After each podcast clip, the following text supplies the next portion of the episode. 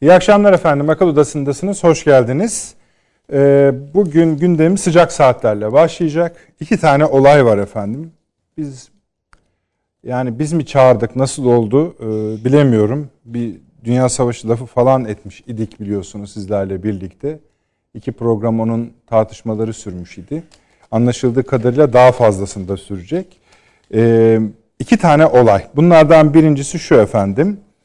29 Mart yanlış bir şey söylemeyeyim. 29 Mart günü 1949 yılından beri hiç yaşanmamış bir olay meydana geldi.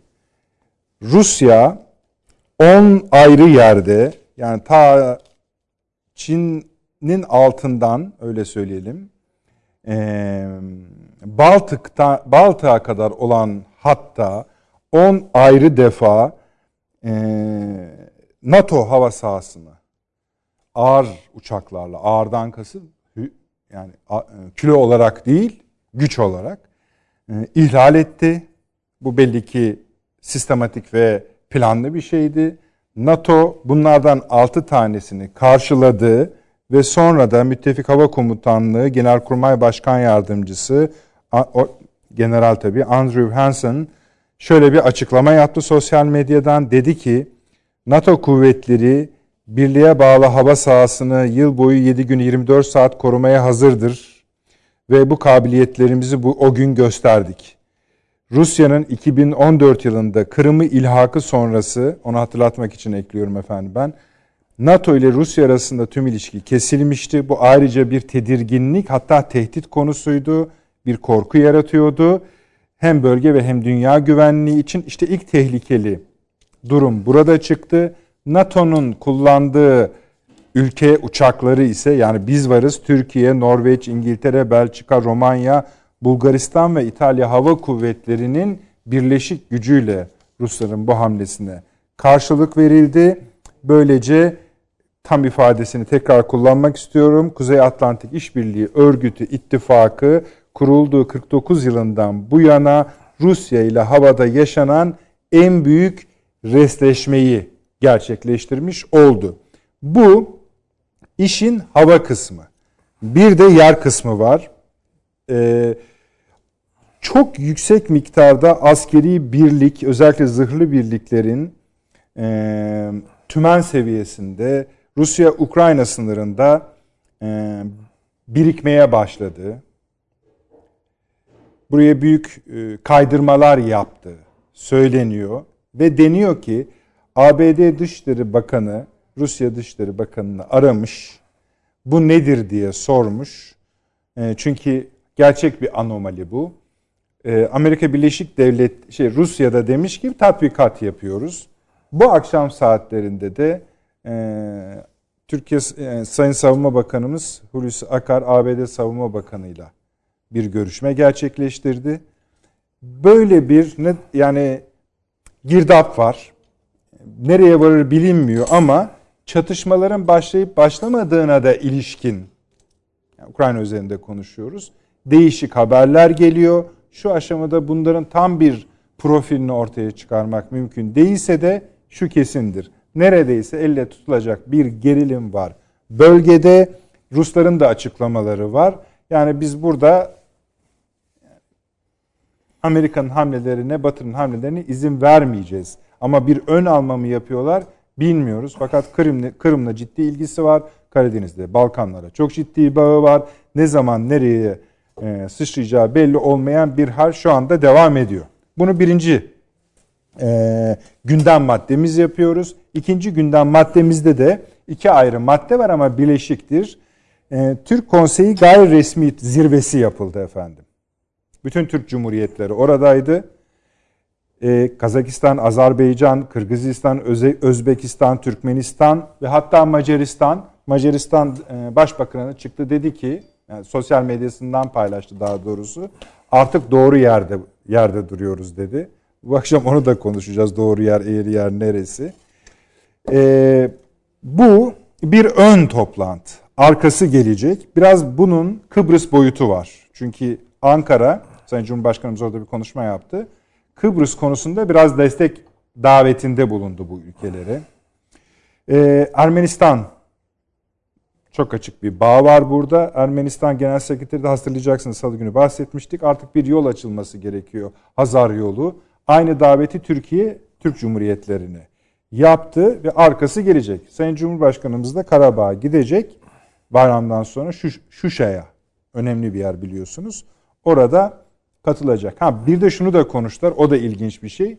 Bu e, kardeşlerimiz Türk Cumhuriyetleri üçüncü ülkelerden anladığımız kadarıyla konuşmalardan çok sayıda davet alıyorlar. Biz de katılmak istiyoruz ya da en azından katılamıyorsak bile gözlemci olmak istiyoruz diye.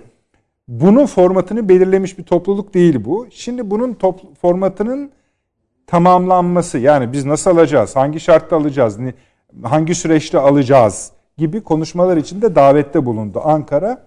Bu bir. İkincisi bundan bir gün önce yani dün ve evvelsi gün bu toplantılar yaptı. Ondan bir gün önce de Asya'nın kalbi İstanbul süreci bakanlar konferansı vardı. Sayın Dışişleri Bakanı orada idi.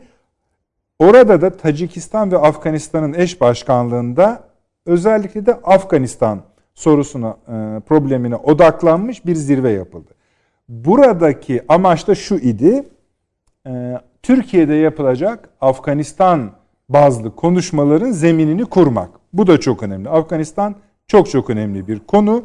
Bunu bu iki toplantının toplamını cem ettiğiniz zaman cevaplanması gereken çok sayıda merak ortaya çıkıyor. Mesela Rusya bu işlere ne diyor? Birine katıldı, birine katılmadı vesaire ama bir de Batı bu işlere ne diyor? Çünkü bir hat da oluşuyor burada. Hasıl bir hareketlilik var. Bunların dışında e, daha alt başlıklar olarak bunlar bize yetecektir ama örneğin Putin, Merkel, Macron görüşmesi gerçekleşti. Burada konuşulanlar var, önemlidir. Onların üçünün konuşmasını biz her bağlamda rahat rahat anlamamız gereken bir plato şey var, e, gün e, konjonktürü var. Pakistan, Hindistan iki yıl sonra ekonomik ilişkilerini yeniden başlattı. Bunun anlamını da işte bilmek zorundayız. Çin-İran görüşmelerinin anlaşmasının yankıları hala devam ediyor. Bu akşam zaman kalırsa yeniden ele almak isteriz. Başka boyutlar ortaya çıkıyor ve 6 Nisan'ı da unutmayalım. Avrupa Birliği liderlerinin Türkiye ziyareti var. Ona ilişkin bir gündemde or ortada olacak. Sayın Avni Özgüler burada. Yeni Birlik Gazetesi yazarı, gazeteci abimiz. Profesör Doktor Süleyman Seyfi hocam. Burada İstanbul Ticaret Üniversitesi öğretim üyesi hocamız. Hoş geldiniz. Şeref verdiniz. Ankara'da her perşembe olduğu gibi Profesör Doktor Taşansı Türker hocamız mülkiyeyi temsilen diyelim. Ee, Ankara stüdyomuzda. Taşansı hocam hoş geldiniz. Saygılar, selamlar efendim. Hoş bulduk. Teşekkür ediyoruz. Bu akşam bol bol size söz düşecek gibi geliyor bu Rusya meselesinden dolayı. Şimdi bir kere ben zaten eksik olmasın Fahri Paşa'mın hakkını korumuştum. Şimdi daha böyle bir şey oturuyorum burada. Güçlü oturuyorum. Yani tabii öyle bir şey olsun istemiyoruz. Bugün hatta biz e, e, programdan evvel kendi aramızda WhatsApp grubumuzda da konuşurken bir Çin raporu da değerlendirildi, konuşuldu. Başlangıç raporu ama orada da işaretler, başlıklar var en azından. Ee, onları belki katmak gerekiyor. Ama şimdi bu mesele yani Ukrayna meselesi evet, gerçekten de bütün zincirlerim bağlandı. Böyle kocaman bir baklaymış gibi oldu. Hepsini bir arada tutuyor gibi. O kırılırsa hepsi boşalacakmış gibi zembe, zemberek gibi gözüküyor. Ne dersiniz? Oradan bir giriş yapalım. Evet. Ee, şimdi Ukrayna'da bu Donbas evet. bölgesi zaten Kırım'la yani Rusya'nın şu anda işgal altında tuttuğu coğrafyayla, bölgeyle e, Ukrayna arasındaki bir şeydir şu anda. Arasında sıkışmış bir yer. Ve Ukrayna'ya ait. E, Rusya e, çok tam tekmil bir zırhlı birliği oraya sevk etti. O öyle dediğiniz zaman bile hafif kalıyor o ifade. Tabii tabii tabii. Yani bazı e, Katar görüntüleri var. Yani ucunu Tabii, sonunu bayağı, görmüyoruz. Bayağı, evet doğru dediğiniz. Yani zırhlı birlik dediğim yani mekanize tümen diyelim ona. Yani ufak bir birlikten söz etmiyoruz. Ee, bu tam böyle e, ateşlenecekmiş gibi dururken şu Rusya işte Genelkurmayı ve e, bugün bir açıklama yaparak biraz olayı yumuşattı. Yani e, Rus hudu, Rusya hududunu, sınırlarını korumak amaçlıdır. Buna başka bir anlam yüklemek doğru değildir şeklinde bir açıklama yaptırdı. Nasıl buldunuz o açıklamayı siz? Tabii onun hiçbir inandırıcılığı yok. Yani batıdan gelen tepkileri e, Yani görerek biz bu şeyi konuşurken Süleyman Evet. Hocam paylaşmıştı bu karadaki Evet. hareketliliği. Ben hiç mesela şeyi söylememiştim size bu hava meselesini. Duydunuz duymadınız ayrı Evet. konu havadaki. Ama bu, bu mesela buna ne diyeceksiniz? Bu gayet ortada, elle tutulur. Bütün Tabii canım, evet. radarları tarafından canım, yakalanmış. Kayıt Tabii. bizim Türkiye'nin fiilen uçaklarının müdahalede oldu. bulunduğu. Yani Daha NATO olacak? müdahalesinin Aynen gündeme geldiği bir tablo tabii bu. Şimdi ya e, Kırım zaten işgal etmişsin. Bütün dünya bunu tanımıyor. Tabii Türkiye de dahil yani. Tanımadık, tanımayacağız diye de Dışişleri Bakanımız hatırlıyorsan Evet. e, demeç verdi yani. Dolayısıyla yani e, ama öbür tarafından baktığımızda bu Rusya niye niçin burası dediğinde e, Rusya'nın maden kaynaklarının dört en büyük maden kaynaklarının olduğu yerlerden bir tanesi. Dördüncüsü diyorlar. Yani hele hele Rusya'nın bütün kömür ihtiyacı buradan karşı, bu coğrafyadan karşılanıyor. Efendim aynı şekilde bu özellikle e, uzay araçlarının yapıldığı e, metal şeylerinin e, cevheri buradan gidiyormuş. Efendim. Donbas'tan gidiyormuş ve e, daha belki en az onun kadar önemlisi Rus tanklarının motorları burada yapılıyor. Donbas'ta yapılıyor. Abi bunların hiçbiri olmasa da şunu da ekleyelim bence. Ha. Rusya'nın bağrı burası. Ve Tabii, tabii, tabii, açık tabii. yani. Yani kara ordu Yani adam iki taraf için. adam diyor ki yani Donbas Ukrayna yani Ukrayna açısından baktığında Donbas Ukrayna'nın kalbidir diyor. Ruslar da diyor ki burası bizim. Yani can damarımız. Bu neyle başladı? Geçen hafta ya da geçen hafta değil hatta bu hafta Tabii bu haftanın başı başında. e, bu Ukrayna'ya e, giden doğalgaz hattını kesti Ruslar. E, Ukrayna dedi ki işte bizim işte bir buçuk ay yani kışı geçirecek kadar doğalgaz stokumuz var filan dedi ama nihayetinde bu Ukrayna'nın şah damarı yani. Bir tersi de var abi. Onu da belki Taşan Hoca biliyordur. Evet. Ukrayna'da Kırım'a su verirken onu kesmiş galiba. E tamam. Öyle bir şey var. Yani galiba. ola- olabilir. Onu onu gö- gözden Orada da bir şey sıkıntı var yani. Ama yani bu e, son derece kritik bir tablo. Ukrayna bir kez daha e, hem Amerika filan anında tabii hemen bunu kabul edemeyiz. Batı dünyası bunu kabul edemez diye ayağa kalktılar. Aynı şey Avrupa Birliği de içinde söz konusu. Kaldı ki işte bu e, Navalny zaten Ayrı vaka. o ayrı vaka. Rusya'da bu muhalif hareket aktivist cezaevinde açlık evine başladığı filan bütün dünyanın gözü onun üzerinde.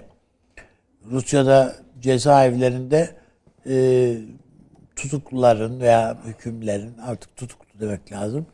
Şahıs olarak e, şu doktoru istiyorum deme hakları varmış. Bilmiyordum. Efendim, e, onu vermiyorlar. Kendi hasta, hapishanenin doktorunu gönderiyorlar. Bu da ona muayene olmak istemediği için filan açlık grevine başladı. Çok anlamadım. Ru- Rusya'da mı istediğin doktoru çağırdın? Evet istediğin doktoru... Bu ne lüks? Güzel- e, lüks değil herhalde parasını veriyorsun geliyor. Peki. Bilmiyorum. Efendim işte böyle bir şey varmış. Ee, bunun e, efendim fevkalade önemli Batı dünyasında bütün gazetecilerin, basının şu anda dikkati e, o Alanda. o noktada yoğunlaşmış vaziyette ne olacak ne bitecek diye. Bir cephesi bu bana göre işin. Bir tarafı bu. Öbür tarafta biz geçen hafta ya bu hafta yine konuştuk herhalde. bu İsrail meselesini konuşmuştuk biz. Evet, evet. Yani Türkiye'nin hatta önümüzdeki hafta başında bir büyükelçi tayin edeceği falan dedikoduları var Öyle söyleyeyim. İsrail tarafından filan. Ee, Hatta bir adım ötesinde Gazze ile İstanbul arasında bir hava köprüsü. Yani e, yolcu şeyi olarak. Bu, bu da yani ayaklardan bir tanesi. Yani böyle ufak ufak açılımlar bunlar. Ee, efendim işte Bu tabii Türkiye'nin bu konuda e, çok ısrarcı olmadığı aynı şekilde İsrail'in de bir takım şeyler e, işte bu anlaşma ile ilgili bu doğalgaz anlaşması ile ilgili olarak eğer anlaşma imzalanırsa İsrail 16,5 milyon e, kilometre kare ilk bir petrol arama sahası veyahut da deniz şeyi imtiyaz sahası elde ediyormuş. Türkiye'de 10 bin kilometre karelik e, bir alan kazanıyormuş bu anlaşma gerçekleştiği takdirde. O yüzden bu anlaşmaya dayalı bir takım yorumlar var İsrail'de. Yani o onların bir DEPKA var ya şeyleri, e, internet siteleri falan. Evet, öyle. Yani Mossad'ın değil mi o herhalde? İnternet sitesini destekliyor. Öyle. Onu, o da destekliyor zannediyorum. O ondan dolayı işin o tarafı var. Ama bu e, Ukrayna işi e, Türkiye'yi birçok bakımdan yani orada bir yangın çıkar mı pek zannedilmiyor. Yani Ama, ama geçen sefer bayağı alev ama direkten dönüyorsunuz her seferinde. Dolayısıyla bütün dikkatiniz, radar şeyleriniz filan orada. Biz ilk defa olarak Samsun'da e, F-16'lar için biz radar kurmak. Trabzon mu Samsun mu? Bir, Trabzon Tabii, olabilir. O- Yani Karadeniz'de bir Yeni bir radar şey yapıyorsunuz, yeni doğru. daha e, tesisi kurmak durumunda kaldık. Bütün bölgeyi yani Kırım'da dahil olmak üzere bütün bölgedeki hava harekatını takip etme imkanına sahip olan bir şey. Tesis kurmak durumunda kalıyoruz. Ee, bu mecburiyet diye değil esasında eksiklik herhalde. Özellikle de bu son dönemde Karadeniz'de meydana gelen gelişmeleri dikkate alırsa Ankara'nın duyduğu bir ihtiyaçtan kaynaklanıyor diye düşünüyorum. Bu e, bakıldığında e, daha bu coğrafya fevkalade ısınacak. Şimdiden ziyade özellikle yazın Amerikan o donanması burayı ısıtacak gibi görünüyor. NATO harekatı, deniz harekatı burayı dona, şey yapacak. Bir tek havada bu yapılmayacak herhalde. Ee, yani işte sınırlı gün şey yapılıyor çünkü. Ee, bir de muhtemelen Bulgaristan ve Romanya bazı Amerikan gemilerini kendi donanmaları bünyesinde göstererek Karadeniz'e çıkaracaklar. Yani Yavuz Midilli Evet, gibi. Midilliler. Yani o eski numaralar Evet, başladı. a- aynı numaralar evet. Çünkü e, Amerikan donanmasına bağlı gemiler e, geldiklerinden işte birer hafta süreyle kalıyorlar. Tekrar dışarı çıkmak zorundalar. E, bu ama Amerikalıların işine gelen bir tablo değil. Orada devamlı kalmak ihtiyacındalar. E, onu sağlamanın yolu da o ülkelerin bayrağına bunu emanet etmek bu gemileri. Biz Yavuz ve Midilli'yi aldığımız zaman Amerikalı şeyler, Almanlar fes giymişlerdi. Ee, bakalım yani e, e, yedek Belki de diyorsunuz yedek- Yunanistan öyle yapınca Amerikan askerleri de etek giyerler mi demek istiyorsunuz? Evet, kim bilir artık bir şey yapacaklardır herhalde diye düşünüyorum. Dede Ağaç'ta öyle bir me- şeyleri yok. e, Mecburiyetleri yok. Karadeniz. Ama Karadeniz'de e, öyle olunca Romanya ve Bulgaristan söz konusu olduğunda yedek üniformaları vardır herhalde onların. Verirler diyorsun. Verirler o üniformaları ülkelerin üniformalarını giyerler diye düşünüyorum ben. Tam da Montreux tartışması, Montreux tartışması da demeyelim de Montreux'e Türkiye'de şeklene böyle e, gereksiz Tartışmalar var yani bizim zaten. 10 kere kapatılan tartışma. Evet ama işte e, vardır böyle bizim garip garip işlerimiz. Lozan'ı bir tartışsak filan diye. Montreux'u tartışsak filan diye. Ya elindeymişken şu adaları bir halletsen Yunanistan'ın e, hiçbir e, şey e, yasal dayanağı, uluslararası dayanağı olmadan hatta Türkiye'ye ait adaları el koyup silahlandırdığına bakıyoruz.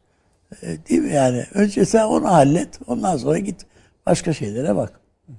Neyse yani bunlar var e, ortalıkta. Peki. Ve e, tabii Orta Doğu'da bugün yani bugün 1 Nisan e, Irak'ta e, PKK'nın e, şey için e, Sincar'dan tahliyesi için Irak yönetiminin verdiği son gün bugün.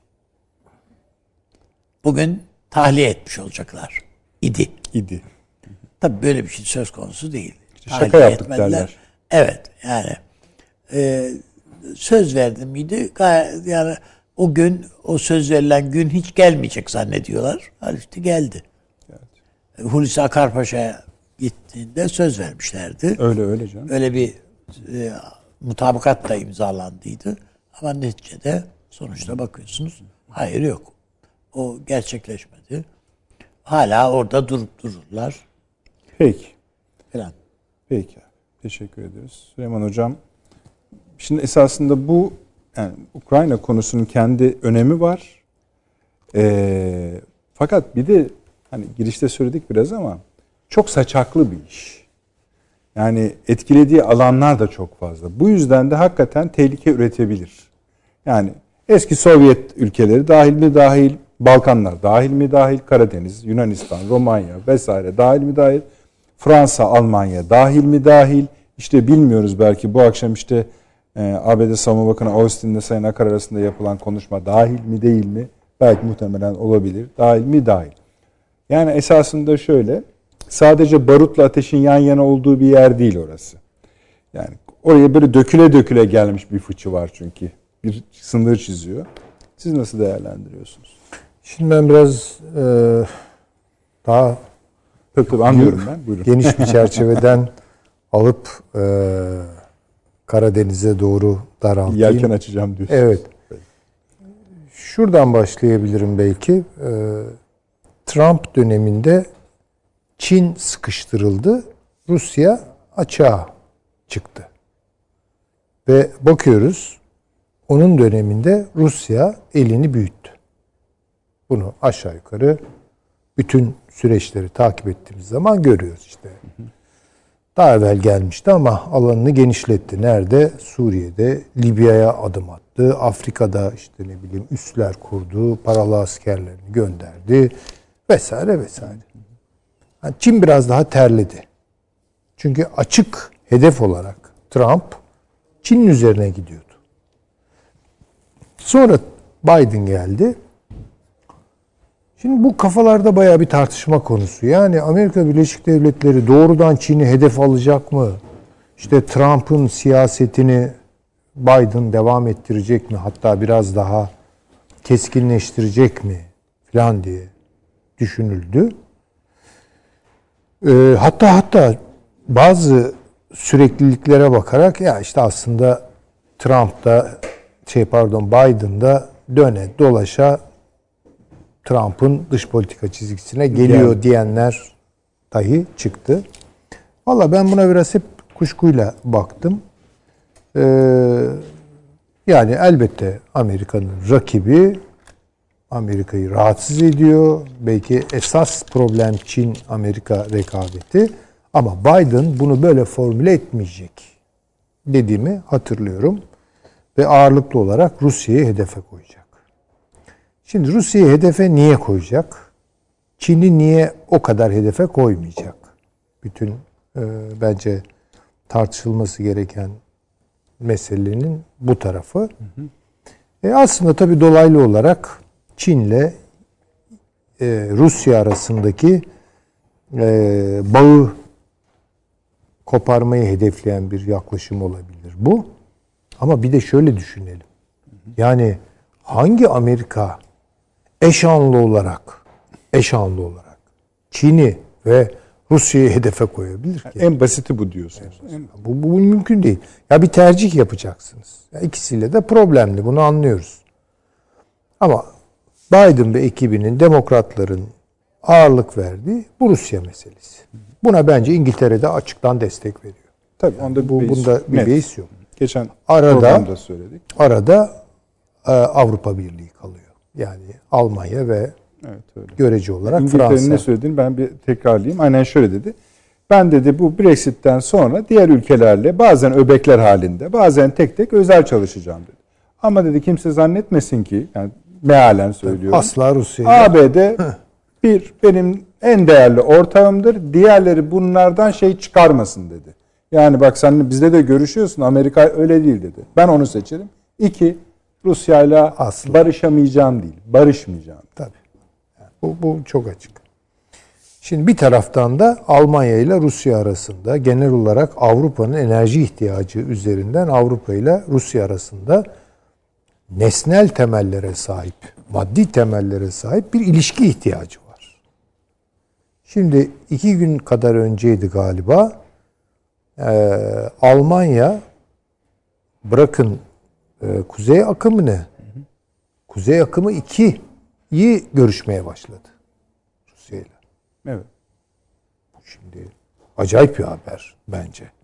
Yani bütün o prese rağmen Amerika Birleşik Devletleri'nin Avrupa üzerinde yaptığı prese rağmen Almanya geri adım atmıyor bu konularda. Şimdi demek ki buradan çıkacak olan netice şu.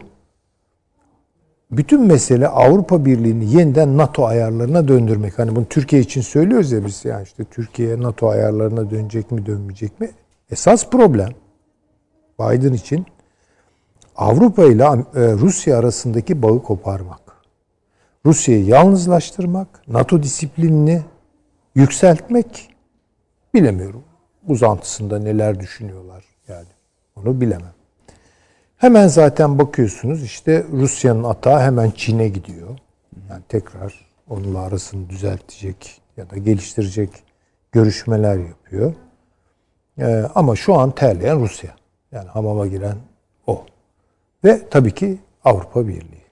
Terliyorlar mı? Bence terliyorlar. Peki ne, yani niye terliyorlar? Yani Yani, şimdi- nereye varacak ki yani? Yani şimdi düşünebiliyoruz yani Putin'in herhalde keyfi yerindeydi Trump varken yani. Gayet tabii canım. Başın, yani en azından bunla, günlük işlerle bu şekilde uğraşmak zorunda kalmıyor. Kalmıyordu. Rahat rahat elini açıyordu. İşte ne bileyim bir sürü bir şey yapıyordu. Yani kendine göre Rusya'nın çıkarları doğrultusunda.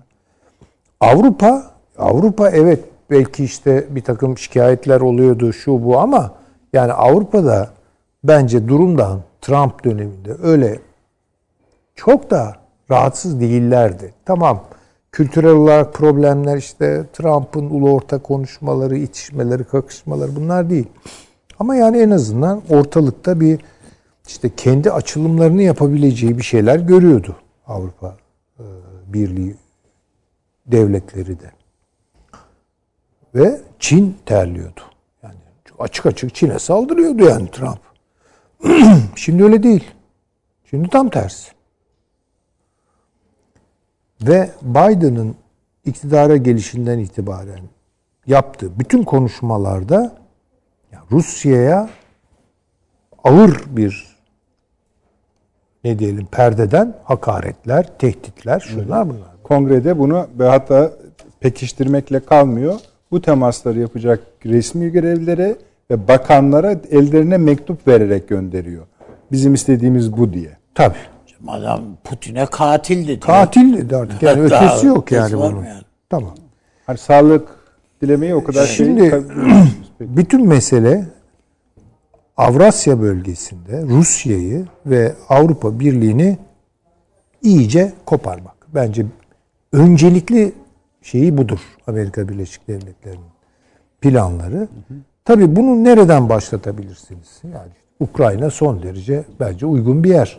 Şimdi bunu da zaten biz öngörüyorduk. Aşağı Tabii, yukarı çok söylüyorduk. Çok yani söyledik. Ukrayna, Gürcistan lafları ediyorduk. Yani öngörü Ama değil yani çalışıldı burada. evet, paşam öyle söyleyebilirim. bunu biraz yani uç noktaya getirdi ve Hala uç diyorsunuz. Yani. yani şöyle ama yani Keskin taraf. yani şimdi tabii ne olacağını biz bilmiyoruz. Yani paşam çok emin olarak dedi ki bu savaşa gidiyor yani. Üçüncü Dünya Savaşı'na gidiyor. Ya ihtimallerden biridir. Gider gitmez bilmiyorum ama Karadeniz'de bu bölgede çok ciddi bir takım çatışmaların ortaya çıkacağı aşikar. Rusya da şunu gördü yani çıkış yolu yok. Amerika'nın bu presi, bu markajı, bu yüklenmesi Rusya'da kendi askeri güçlerini konsolide ediyor. Yani bu işin peşrev kısmı. İşte o ihlaller, şunlar bunlar biraz gövde gösterisiyle ilgili şeyler. Ukrayna Rusya arasında bir e, çatışma, bir savaş başlarsa ne olur? Vallahi e, çok kanlı bir tablo çıkacağından eminim. Amerika eğer bunu kafasına 3. Dünya Savaşı'nı koyduysa yani Rusya ile kapışmayı falan koyduysa bahane kılabilir. Ama onun dahil olması sırasında bile Ukrayna falan kaybeder yani. Mahvolur o ülke. Yani bir daha nasıl ayağa kalkarlar onu ben bilmiyorum. Sıçrar ki. Mı? İşte ondan çok emin değilim. Belki yönler Ama üzerine. şöyle e, yani nasıl tıpta metastas dediğimiz bir şey var ya Ukrayna savaşı Orayla Ukrayna'da sınırlı kalmaz. kalmaz. Tabii tabii. Başka şeyler Ha, olur. Polonya, Molonya'da gider. Tabii o. tabii. Beyaz Rusya hareketlendi. Mold- Belarus, Moldova buraların hepsi Hepsi Şu an gider yani. şu an Beyaz Rusya hareketlendi. o da birliklerini kaydırıyor falan. Yani bu sonuçta çok daha büyük bir kavgaya gidebilir ve düşünebiliyor musunuz Almanya'nın açmazını? Türkiye belki bunu da konuşmak gerekir ama yani sorularınızın içinde mi nedir? Bu durumda ne yapar, ne eder? yapmış Ee, işte. Bence Türkiye bunu gayet iyi götürecektir ve iyi de başlattı. Bence şöyle bunu statikonun bu gerilimli statikonun kalmasından yana. Yanadır. Ama savaştan yana olduğunuz yani Ama çünkü yani- o bir hesaplaşma noktası olduğu için Ama şimdi şeyi yani- statikoyu da bozacaktır. Tabii bozabilir ama e, Türkiye'nin buna çok müdahale olacağını ben hiç zannetmiyorum. NATO, Ben de aynı karar. NATO? İçine NATO girmez. mekanik bir şeydir. Yani Ama Türkiye'yi Türkiye bağlamaz belli artık. yani Kırım'ın ilhakından yana değil. Değil, Yani Rusya'ya tabii. da bildirildi bu. Ve de bana kalırsa yani, yani gidip de kon- yani- Hayır, kontrollü olarak Değil. Ukrayna ile Rusya'nın gerilim yaşaması Türkiye'nin real politiği açısından da rahatlatıcıdır. Yani bu biraz böyle bir şey biraz Ukrayna ile- gibi gözükmek de Hayır, değil. Ukrayna ile aramızda e, anlaşmalar var yani e, silah anlaşmaları var. Onlar e, devam edecek. Var, var. Onlar yani onlar devam edecek. çünkü Rusya bile e, helikopter moto- motorlarını filan Ukrayna'da yaptırıyor. Tabii yani sonuçta yani şu söylenir Rusya'ya madem bu işten çok rahatsızsın değil mi? Gerçi sürecin iki ayağı var. Yani Donbas başka Donbas başka bir şey. Kırım'ı konuşmak bizim açımızdan en azından başka şey. Ama mesela şu söylenir. Ya çek elini Kırım'da. E sen de çek bakayım PKK'da. Denir yani kendisine. Ya bu Türkiye'nin bir anlamda tabii hoş bir şey değil. E, tablo çok dramatik. ben size şunu hatırlatayım. Ama böyle bir kartı da hem veriyor Türkiye'nin Şoygu'nun hem de Lavrov'un geçtiğimiz hafta içinde Türkiye'ye yönelik iki ayrı açıklaması olmuştu. Gayet iyiyiz diye.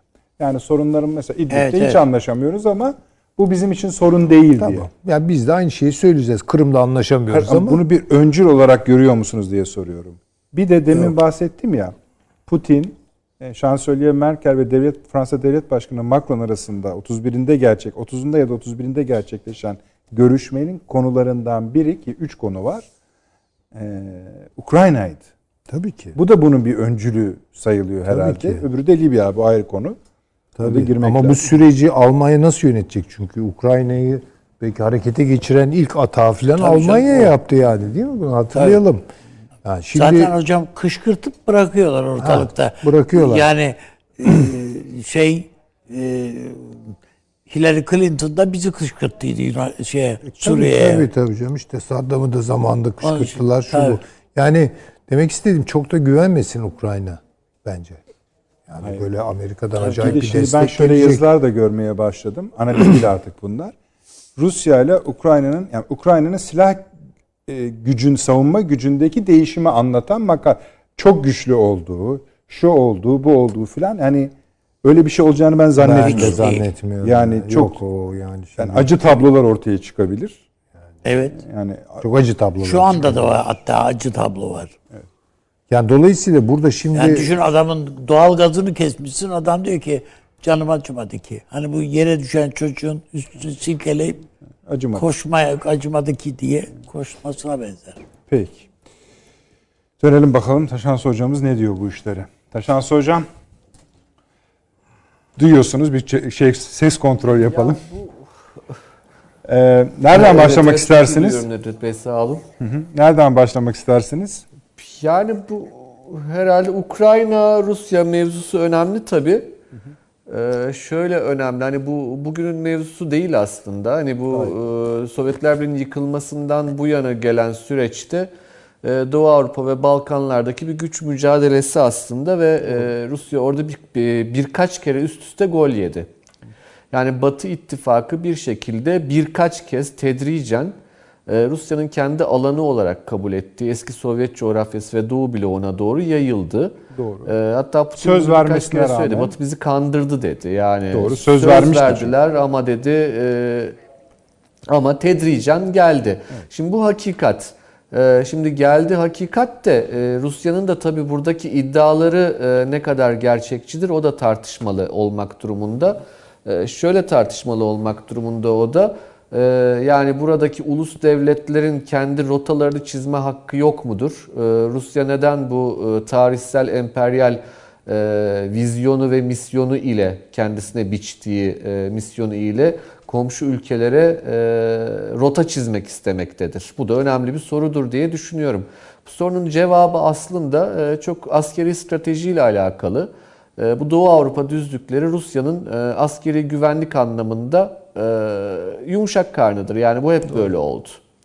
Birinci harpte de böyleydi, ikinci harpte de böyleydi, soğuk savaşta da böyleydi. Dolayısıyla hani e, bu bölgedeki kendisine doğru gelen adımları kendi sınırında karşılamak istemiyor Rusya. Çünkü kendi sınırında karşılayamaz.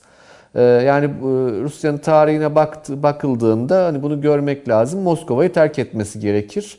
Derinliğe çekilmesi gerekir. E, Rus askeri elitlerinin, e, Rus kurmaylarının düşünce sistematiği bunun üzerine kurulu. Bu doğru yanlış bunu tartışmıyorum. Burada hani vakayı anlatmak e, çerçevesinde söylüyorum. Onların yaklaşımı bu.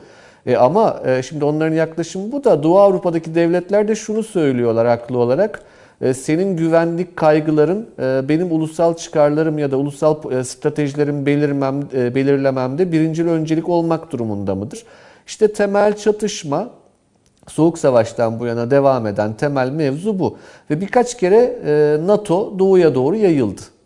Yani işte Baltık ülkelerini aldı, Polonya'yı aldı, Romanya'yı aldı, e, Bulgaristan'ı aldı. E, Ne kaldı geriye? Ukrayna ve Belarus kaldı. Burası sınır hattı. Bu stratejik askeri güvenlik anlamında Rusya için e, duruma böyle bakıyor. Batı nasıl bakıyor? Batı da Rusya'yı sıkıştırmak ve Avrupa'nın güvenliğini sağlamak için bu ileri adımlarını Rusya sınırına kadar ilerletmek istiyor. Bu birinci düzlemimiz olsun, stratejik düzlem. İkincisi e, Batı'nın kendi ekonomik ve siyasal sistemine Doğu Avrupa'yı eklemleme çabası var. E, yine bu biraz önce anlattığımız çerçevede doğuya doğru yayılmayı, ilerlemeyi gerektiriyor. E, bu Batı açısından yaklaşım. Rusya açısından yaklaşım ise şu, en önemli mevzu aslında beyaz Slav Ortodoks nüfusu kaybetmek istemiyor Rusya. Şimdi mesela bu e, hani Belarus olayında da konuşuldu bunlar. E, Ukrayna olayında da yani ta işte bu turuncu devrimden beri konuşulan mevzudur aslında. E, Rusya'nın ciddi bir nüfus sorunu var. Yani dünyanın şu an en büyük ülkesi, inanılmaz büyük bir coğrafyaya yayılıyor. Fakat nüfusunun çok çok büyük bir bölümü Uralların batısında yani Avrupa Rusyası'nda. Kocaman boş bir e, Sibirya bölgesi var. Ee, Çinliler bu bölgede yerleşmeye başladı. 145 milyon nüfusu var ama bu 145 milyonluk nüfusun içinde de Ortodoks Slav nüfus giderek azalıyor. Ee, yani e, bu e, sadece e, eski Sovyet Cumhuriyetlerindeki nüfus artışıyla Rusya'yı karşılaştırırsanız mesela geçenlerde öyle bir çok güzel harita vardı bilgilendirmek için söyleyeyim. Hani mesela işte 1991 yılından bugüne Kazakistan'ın nüfusu %8 artmış. Rusya'nın yüzde binde 3 artmış gibi. Şu an örneklendirmek için söylüyorum rakamları. Aynı şey Rusya içindeki etnik unsurlar açısından da geçerli. Yani beyaz Slav unsur e, günden güne azalıyor. Ortodoks Slav unsur. Şimdi böyle baktığınızda 2014'te Kırım'ın ilhakı mevzu acaba Rusya için zafer miydi diye sorulduğunda ben şunu açık yüreklilikle söyleyebilirim. Rus milliyetçisi bakış açısıyla bakacak olursanız hezimettir. Neden hezimettir? Kırım'ı aldınız güzel. Toprak parçası, stratejik önemi var. E ama 50 milyon Ukraynalı'nın 45 milyonunu kendinize düşman ettiniz. Halbuki o nüfusa sizin milli sürekliliğiniz için yani orta vadede e, milli bir planlama çerçevesinde ihtiyacınız vardı. Yani 45 milyon Ukraynalıyı e, büyük bir Slav Ortodoks e, kimliği altında kendi nüfusunuz içerisinde etkin kılmak gibi bir e, opsiyonu bırakıp toprak aldınız, Kırım'ı aldınız ve geri kalan 45 milyonda bir şekilde Ukrayna milliyetçiliğine ittiniz. Bakın bunlar söylendi de o dönemde. Rus milliyetçileri tarafından hani Putin kıyasıya eleştirildi. Ee, ki hani gayet netler onlar. Hani Rus milliyetçiliğinin çünkü farklı veçeleri vardır. Bu 18. yüzyıldan beri devam eder. Yani emperyal bir Rusluk mudur mesela bu? İşte içinde diğer e, gayri Slav unsurları da barındırmalı mıdır? Rusya İmparatorluğu kimliği midir? Yoksa bir etnik Rus kimliği midir? Yani dar anlamıyla Rusya Rusluğu kimliği midir? Yoksa Slav kimliği midir? Yoksa Ortodoks Slav kimliği midir? Yoksa Bizans kimliği midir? Bunun üzerine 20. yüzyılda bir de sosyalizm eklendi. Acaba doğru kimlik Sovyet kimliği midir diye ki aslında Rusya İmparatorluk kimliğinin devamıdır bu. Şimdi bu noktada Ukrayna konusu Rusya açısından çok çok önemli. Bunu bir defa e, elde var bir tutalım. Hani bugünün mevzu değil. Bu hep önemliydi. Yine önemli olmaya devam edecek. Şimdi orada e, birazcık hani tarihi hatırlamakta fayda var diye diyorum. Bu konular bize çok yabancı konular değil. Şimdi bizde bunlar konuşulduğu zaman sanki böyle uzaydaki mevzular konuşuluyormuş gibi e, anlaşılıyor Türkiye'de. O da beni çok şaşırtıyor. Ya şöyle hani lise tarih kitaplarını bile şöyle hatırlasa seyircilerimiz bu mevzuların doğrudan doğruya Türkiye ile alakalı olduğunu hatırlayacaklar. Şimdi bakın e, Kerç Boğazı eğer haritayı da görebilirsek bu Kırım'ın doğusundaki Kerç Boğazı'ndan sonra bir Kerç Körfezi var. Genel haritayı Orada bir daha Azak verelim Kalesi, sonunda biraz tarih tutun arkadaşlar. Siz devam edin hocam. Ee, yani tarih kitaplarımızdan hatırlayacağız. Hani Azak Kalesi bize geçti, Azak Kalesi Ruslara geçti. Azak bizdeydi onlardaydı. Ya burası işte Kerç'in doğusundaki Kerç Körfezi'nden bahsediyoruz. Hı hı. Şimdi bakın harita geldi. Dursun arkadaşlar. Ee, şu Karadeniz'in iyisinin üzerinde e, bu Ukrayna'nın güney doğusunda yer alan bu Körfez'den bahsediyorum. Şimdi bakın hı. orada bir Kerç Boğazı var. Onun üzerine köprü yaptı mesela e, anakaraya bağlamak için ama o anakara dediğimiz yerde Rusya'nın güneyi dediğimiz yerde zaten Kafkasya. Ve o bölge de zaten her zaman riskli bir bölge olmuştur Rusya açısından. Şimdi bu e, Kerç e, Körfezi'nin kuzey sahilleriyle Kırım'ı birleştirmek, e, orada da ne vardır efendim söyleyeyim size işte Mariupol vardır, e, ondan sonra e, Berdyansk vardır e, vesaire. Şimdi orayı bağladığınız anda bakın Ukrayna'nın denize çıkışı sadece Kırım'ın batısındaki bölge kalır. Kırım'ın batısındaki bölgede bir tane kent var aslında. Orası da Odessa. Hı hı. Odessa'dan 75 kilometre batıya gittiğinizde de e, harita kalırsa eğer daha e, tamam. doğru anlaşılacaktır herhalde Moldova'nın doğu sınırlarına kadar geliyoruz. Yaklaştıralım. Yani şey e, oyuncular net biraz daha mümkün mü? Biraz daha yaklaştıralım. E işte bu gayet güzel oldu bence şimdi. Hı, tamam. Kafi mi hocam? Burada anlatabilir misiniz? Şimdi biraz daha batıya gittiğimiz tabii tabii harika harika. Şimdi orada bakın bir koyu renkli bir yer var. Moldova altında bir fazlalık çizilmiş. O niye çizilmiş anlamıyorum ama Moldova'nın doğusunda Transdinyester diye bir bölge vardır. Evet. Ve bu Transdinyester bölgesi Moldova'nın bağımsızlığını aldığı 1991'den beri fiilen Rusya kontrolü altında. Eflak Boğda'nın batısı Bütün diyorsunuz. Bütün o şerit Doğusu. Ee, Doğusu. Boğda'nın tam doğu hattı. Peki. Orasında Transdinyester, tr- yani Transdinyester, Dinyester Nehri'nin üzerinde. Şimdi o Transdinyester bölgesinin başkenti Tiraspol. Bunun hemen kıyısında Bender Kalesi vardır. Osmanlı İmparatorluğu'nun da sınır kalesidir Bender Kalesi. Biraz ilerisinde Ozi vardır. Biz Özi diyoruz, onlar Oçakov diyorlar. Ee, bizim işte genç Osman'ın en son yaptığı sefer o bölgeyedir. Şimdi buradan Transdinyester'den Kırım'a doğru giderseniz Karadeniz sahilince Orası takribi 130 kilometre. 130 kilometrelik bir bu hatta tek büyük kent Odessa. Şimdi siz eğer Transdinyester'le Rusya varlığı var, Kırım'da Rusya varlığı var. Burayı birleştirirseniz doğuda da eğer Kerç Körfezi'nin kuzey sahillerinde ki Donbas bölgesi oraya doğru sarkar. Birleştirecek olursanız bakın Ukrayna Karadeniz'e çıkamayan bir Doğu Avrupa ülkesi haline alır. Bu askeri strateji anlamında e, çok riskli, çok büyük bir şeyden bahsediyorum. Yani bu olur olabilir diye değil ama maksimum olabilecekten bahsediyorum şu an. Ama bunun Moldova'nın e, şu anki batıcı e, yeni yönetimi çerçevesinde Romanya ile birleşme görüşmelerini hızlandıracağını, e, Moldova-Romanya birleşme görüşmelerinin olduğu bir noktada da Macaristan'ın bu konuda rahatsızlık duyacağını ve Macaristan'ın Batı Romanya e, ve Güneybatı Ukrayna'daki Macar azınlığa dair harekete geçeceğini öngörmek gerekir. Bakın bu bölgede bunlar hiç değişmedi. Yani e, Azak Kalesi'nin önemi de hiç değişmedi. Kerç Boğazı'nın önemi de hiç değişmedi. Kırım'ın önemi de hiç değişmedi. Odessa'nın önemi de e, hiç değişmedi. Ve Transdinyester demek, Moldova demek orada Gagavuz Türkleri var, Gagavuz yeri var. Bizler açısından son önemli. derece önemli. Ama bakın bu bölge bütünleşik bir bölge ve Macaristan'a bağlanır ucu. Şimdi Macaristan dediğimiz yerde bir şekilde hem Almanya ile hem Rusya ile arasını aynı anda iyi tutmaya çalışan çünkü e, Macaristan'daki yönetimin şu an e, dış Macarlarla ilgili ciddi açılımları var ki burada da en önemli e, Macar azınlığın yaşadığı ülke Romanya'dır. Takribi 2 milyon Macar yaşıyor Romanya'da. Romanya'nın bulunduğu kampın karşısına geçer Macaristan. Bu iş böyledir.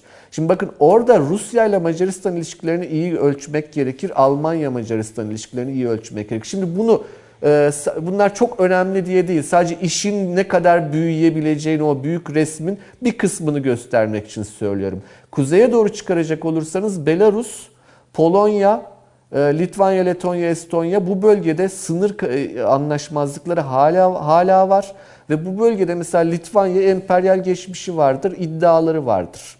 Batı Belarus'ta hatta Batı Ukrayna'ya kadar iner. Polonya, Batı Ukrayna'ya dair bir şeyleri vardır vesaire ama Ukrayna sorunu yani tırnak içinde söylüyorum Ukrayna tabii ki sorun değil. Ee, çok da değer verdiğimiz bir ülke ama e, şu an uluslararası politikadaki Ukrayna'nın pozisyonu ne yazık ki bir sorun durumunda ve bu çok üzücü bir şey. Çünkü 50 milyon nüfusu olan büyük bir ülkedir Ukrayna. Ve bakın Türkiye ile de o kadar önemli anlaşmalar yaptık ki son dönemde. Antonov uçak motorları mesela. Türkiye'nin son derece Bahsettim ihtiyacı olan, Türkiye için faydalı şeyler bunlar.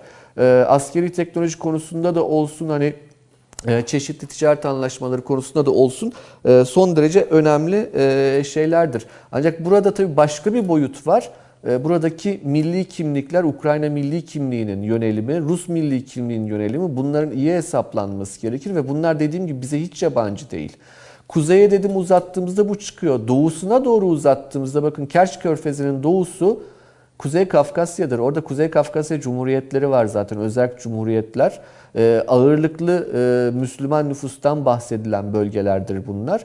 Ee, dolayısıyla hani e, bunlar bize hiç uzak konular değil. Sadece günün stratejik çerçevesi ya da NATO çerçevesi yahut işte ne yapalım biz de Karadeniz'e komşuyuz diye değil ama tarihsel sürekliliği de olan mevzulardır. Taşansı hocam. Ee, Dolayısıyla e, çok çok hani Türkiye açısından hararetle ve dikkatle takip edilen konulardır diye düşünüyorum. Buyurunuz. istiyorum.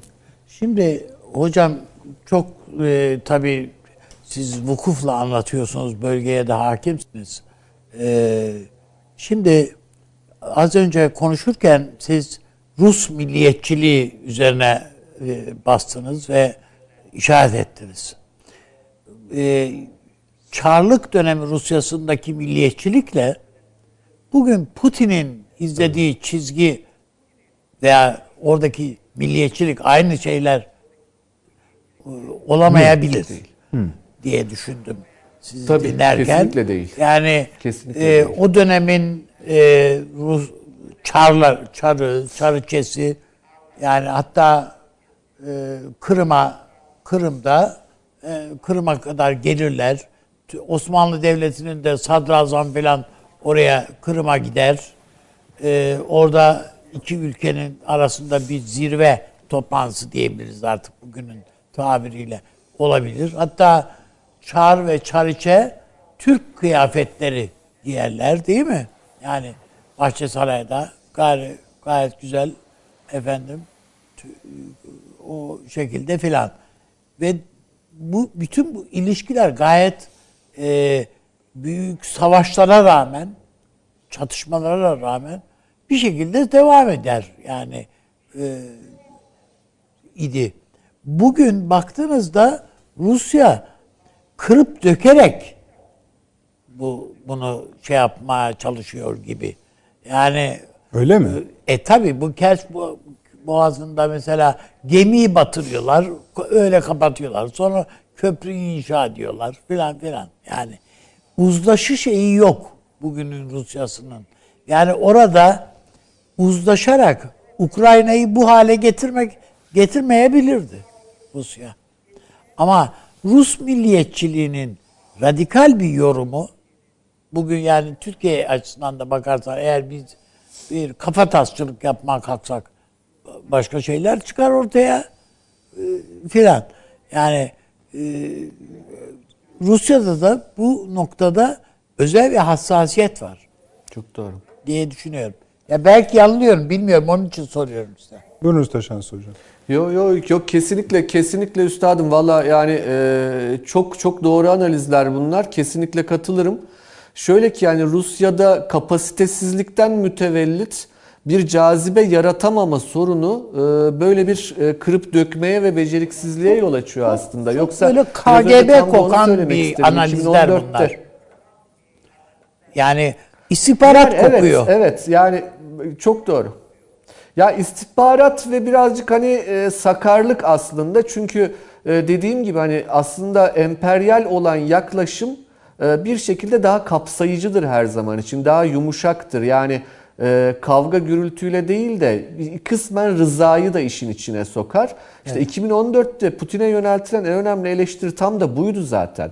Yani kocaman Ukrayna'yı kaybettik kardeşim biz diyordu Rus milliyetçileri. Ya bu, bu çok önemli bir eleştiridir bence. Hani bugün baktığınızda Ukrayna'da e, ya olmayan de, derecede bugüne kadar dünya tarihinde görülmediği kadar yüksek bir Ukrayna milliyetçiliği böyle bir bilinç oluştu. Ve bu 2014'ten sonra Rusya tarafından kendi eliyle oluşturuldu. Dolayısıyla kısa vadede Kırım'ı kazanmak Rusya açısından bir kar olmuş olabilir. Ama orta ve uzun vadede Rus milli çıkarları açısından hiç de doğru olmadığını görüyoruz. Hani o anlamda bence e, analiziniz e, en önemli kısmı bence o üstadım ve bunu genele teşmil edebiliriz. Yani kırıp döken bir milliyetçilik aslında milli çıkarlara en çok zarar veren milliyetçilik halini alabiliyor bazen.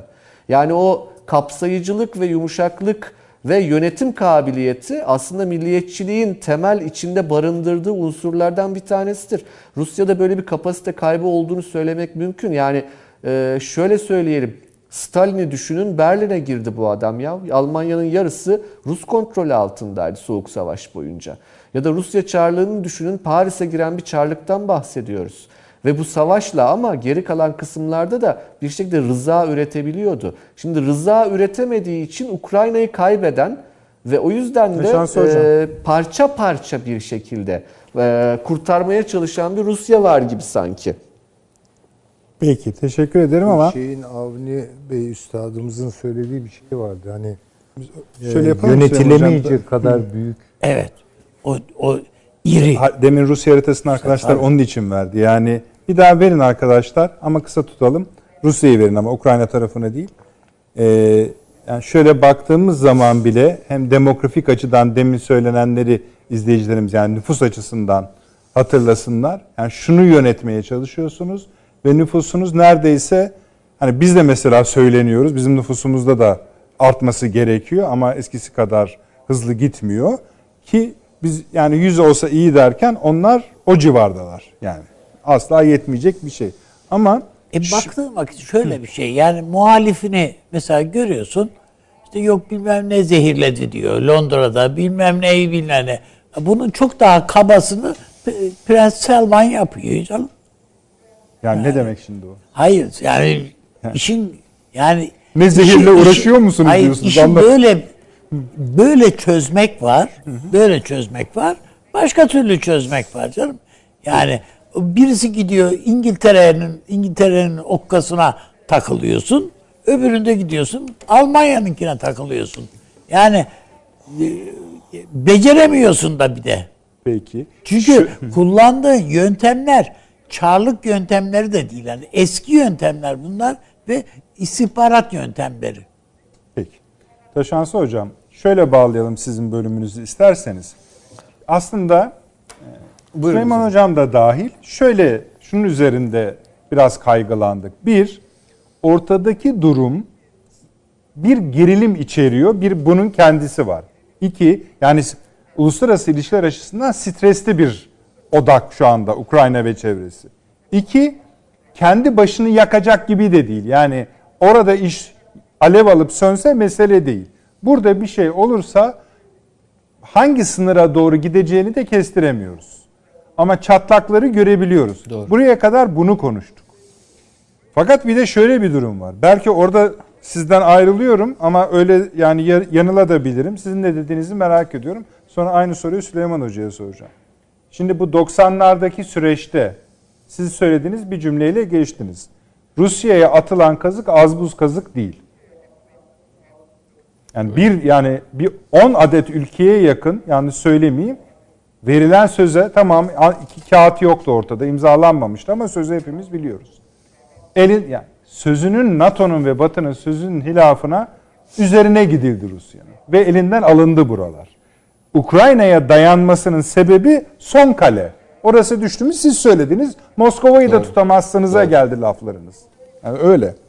İkinci mesele peki o 90'larda böyle bir şey yapıldı. Hadi neyse kazığı atan attı, yiyen yedi. Peki son Ukrayna krizini kim çıkardı?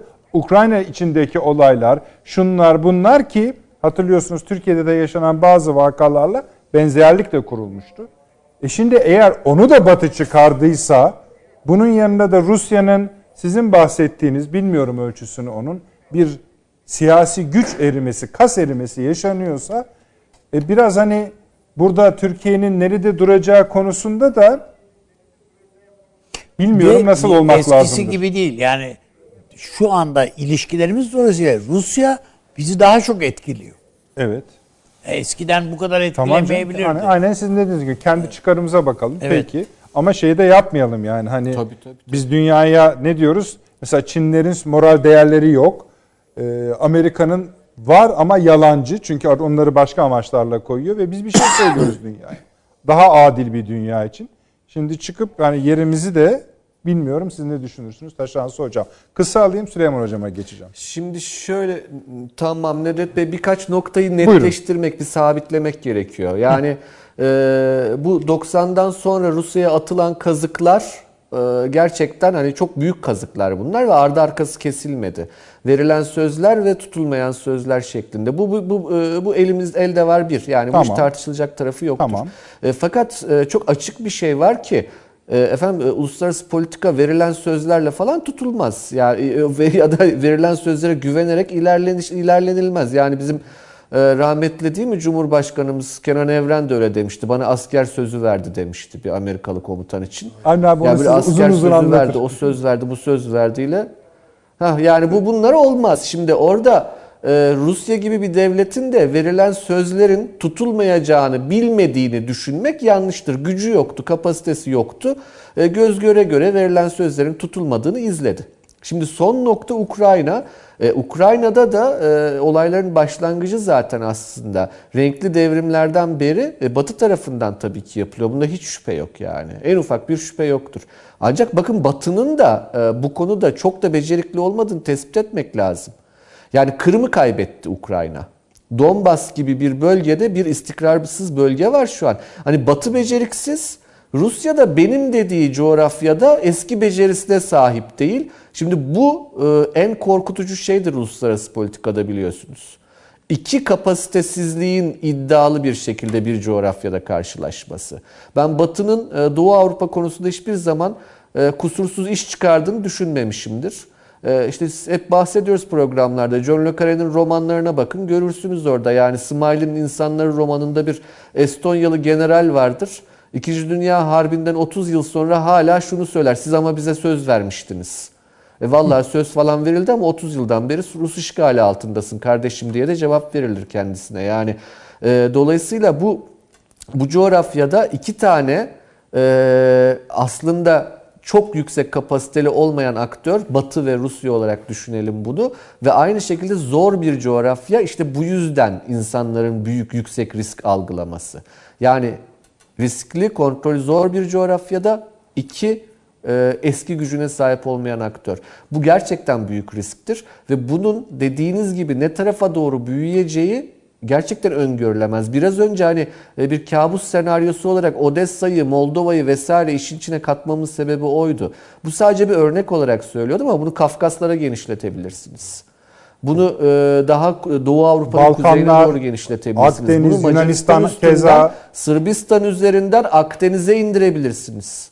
Yani bunu e, bir Bulgar-Yunan çatışmasına kadar götürebilirsiniz. Ya bu evet. hiç bunlar azımsanacak şeyler değildir. Hepsi mümkündür. Ee, öyle bir e, ne yazık ki core point Ukrayna şu an. E, o yüzden e, bunları anlatıyorum ama e, yani e, bir şeyde tespit etmek lazım. Rusya evet çok iddialı bu bölgede. Benim arka bahçem ya da ön bahçem neyse öyle bir şey kullanıyor ama eski kapasitesinin olmadığı da çok açık. Onu da bir kere daha tekrar etme pahasına söylüyorum. Yahu 50 milyon Ukraynalıyı kendinize nasıl düşman ettiniz kardeşim bu kadar? Yani bu başarılı değildir herhalde. Kırım'ı aldım ama Ukrayna milliyetçiliğini var ettim ve bir daha bu adamların benimle barış yapma şansı yok. Ve buna başarı diyorsa eğer e, Rusya yönetimi önce kendi milliyetçilerini ikna etsin derim ben yani. Peki hocam. Teşekkür ediyoruz. Ee, Süleyman hocama söz vereceğim ama o şeyden çok hoşlanmaz Lakar'dan e, atıf ya da alıntı yapmaya. Siz artık başka bir yerden ya da kendiniz... Yok yani şimdi tabii çok e, ilham verici e, bir değerlendirme yaptı. Şuna galiba dönüşüyor iş. Yeniden işte ulusları var eden etnik iddialarla gene ulusları içeren dinsel iddiaların bir araya geldiği ama garip eşleşmeler gösterdiği bir sürece doğru giriyoruz. Şimdi ben dinlerken Taşan Hoca'ya aklıma bu Kaiser Nasyonalizmus diye bir şey geldi. Yani bu evet. çok tipik bir şeydir. Tam bir din milliyetçilik etkileşimidir. Yani işte mesela Habsburglar Marie Teresa oğlu 2. Joseph filan bunlar şey diyorlar yani işte Katolik ve Germen olmak. İşte ondan sonra bakıyorsunuz Rusya'da işte tamam Slav ve Ortodoks olmak. Bizde de mesela Taşan Hoca katılır mı bana bilmiyorum ama e, üstadımdan ümitliyim. Ahmet, Ahmet Cevdet Paşa'nın tezleri de işte bir tür Kaiser nasyonalizmustur. Yani Türk ve Müslüman. Öyle. Yani şimdi bu Doğru. tam yani o o dönemin ruhunu sanki yeniden. Yalnız tabii bunlar birer basitleme değil. Yani Slav, Ortodoks. Yani hangi Slav, hangi Ortodoks? Ne kadar Slav, ne kadar Ortodoks? Bunların Tabii. oranlandırılması ve ilişkilendirilmesi eklektik bir mesele değil, sentetik bir meseledir. Mesela 12 Eylül'de Türk İslam sentezi diye bir şeyi geveleyip duruyordu. İğrenç bir şeydi yani.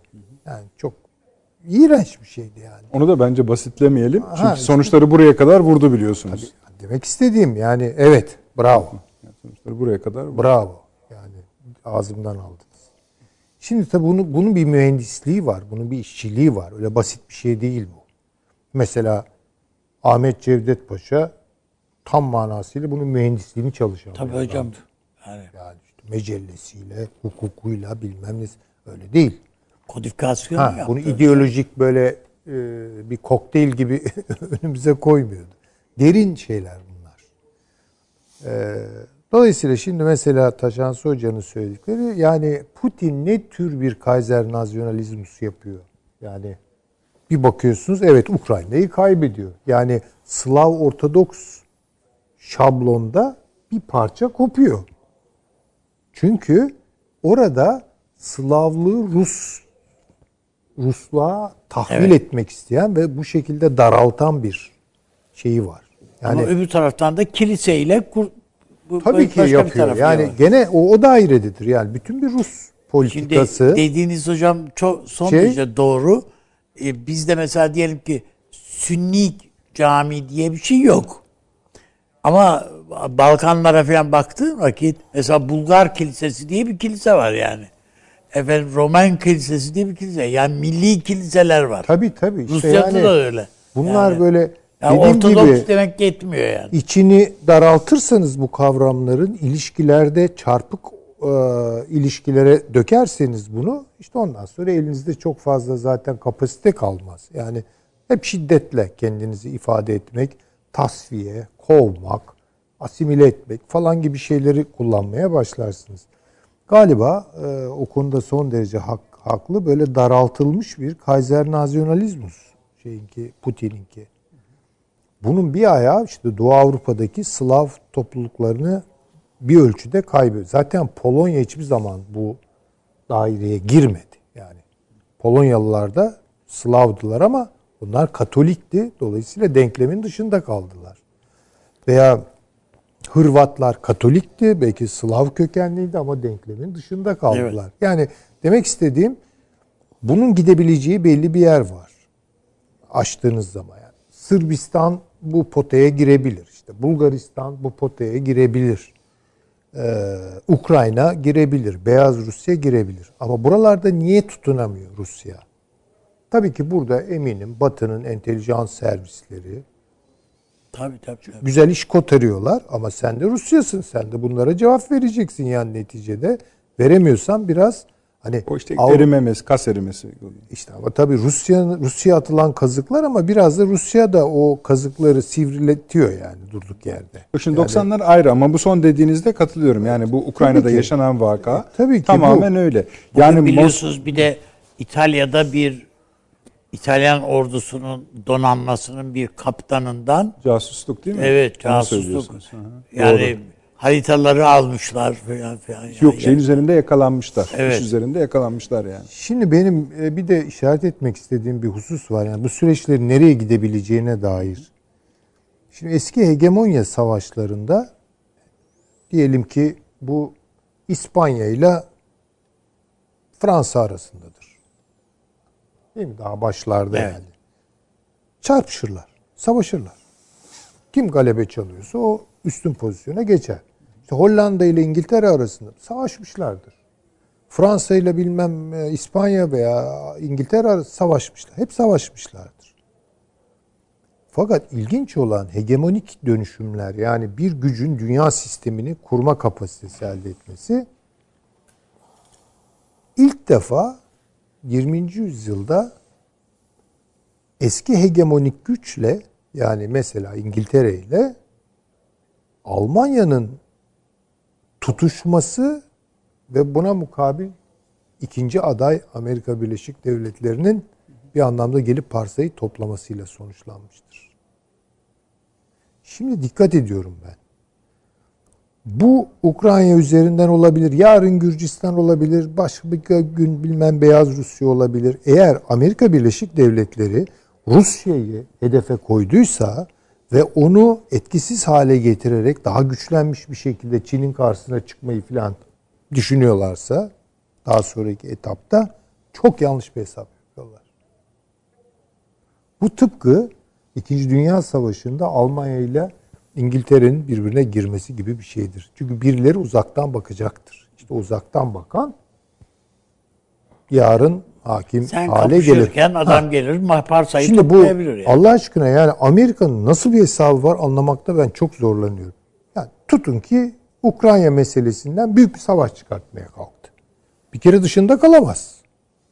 Mutlaka bir yerinden girecektir. E girdiği zaman bu Rusya Amerika savaşıdır veya NATO Rusya savaşıdır. Tutun ki kazandınız. Rusya'yı haritadan sildiniz. Nasıl E tutulmaz siz, da hayır yani sonuçta yani yediğiniz darbelerin hesabı çünkü herhalde Rusya'nın da eli armut toplamayacak. Gayet tabii canım. E? Çok tehlikeli cümleler. Peki bunu yani. kim uzaktan kıs kıs gülerek seyreder? Çin seyreder herhalde. Biraz bunu şöyle konuşmuştuk hatırlayacaksınız. Biraz Avrupa'yı konsolide etmek için de İşte tamam tutun ki etti. Yani etti diyelim ki. Yani Avrupa'yı da yanına aldı ve o şekilde Rusya yani Rusya'nın elindeki tamam güçten çok düşmüş, kapasitesi azalmış ama Rusya'nın bir de geliştirdiği çok yeni silahlar var. Az boz şeyler değil onlar. Bir kere Avrupa'nın canını okur yani. Amerika'ya da ağır hasar verdirir. Peki güzel. Kim bu işin içinden sıyrılıyor? Ya Amerika kurtarmış mı olacak kendini? Batı kendini kurtarmış mı olacak? Bu olmayacak. Bakın burada bir şey kaynatılıyor. Karadeniz ve Doğu Avrupa üzerinden. doğru doğru doğru. İkinci boy şey kaynama noktası da Kazakistan'dan başlayıp aşağı iniyor. Türk İkinci bölümde onları konuşacağız. Orada da bir şey var. Tabii ikinci bölümde de Hocamın onları dediği konuşacağız. doğru. Yani şu anlamda Amerika'nın nasıl bir nasıl bir siyaset üretme mekanizması oluşturmak üzere olduğunu daha bir şey yok ortalıkta çünkü. Vallahi hiç anlamış onu değilim a- onu kavramak zor. Yani hesaba vuruyorum. Evet. Çok anlamsız bir şey Hayır, çıkıyor. illa ortada bir plan olması gerekmiyor herhalde. Hayır. bu işler planlanır yani eğer Planlanır da o belki bizim Sen- biraz o zaman- yerleşik Ama sen o zaman büyük oyuncuyum diye çıkıyorsun sahneye. değil ki Elbette işte. yani. Zaten onu Yani- konuşmuyor muyuz iki yıldır? Yani nafile şeyler bunlar yani gördüğüm kadarıyla. Ya sıfır toplamlı bir şey.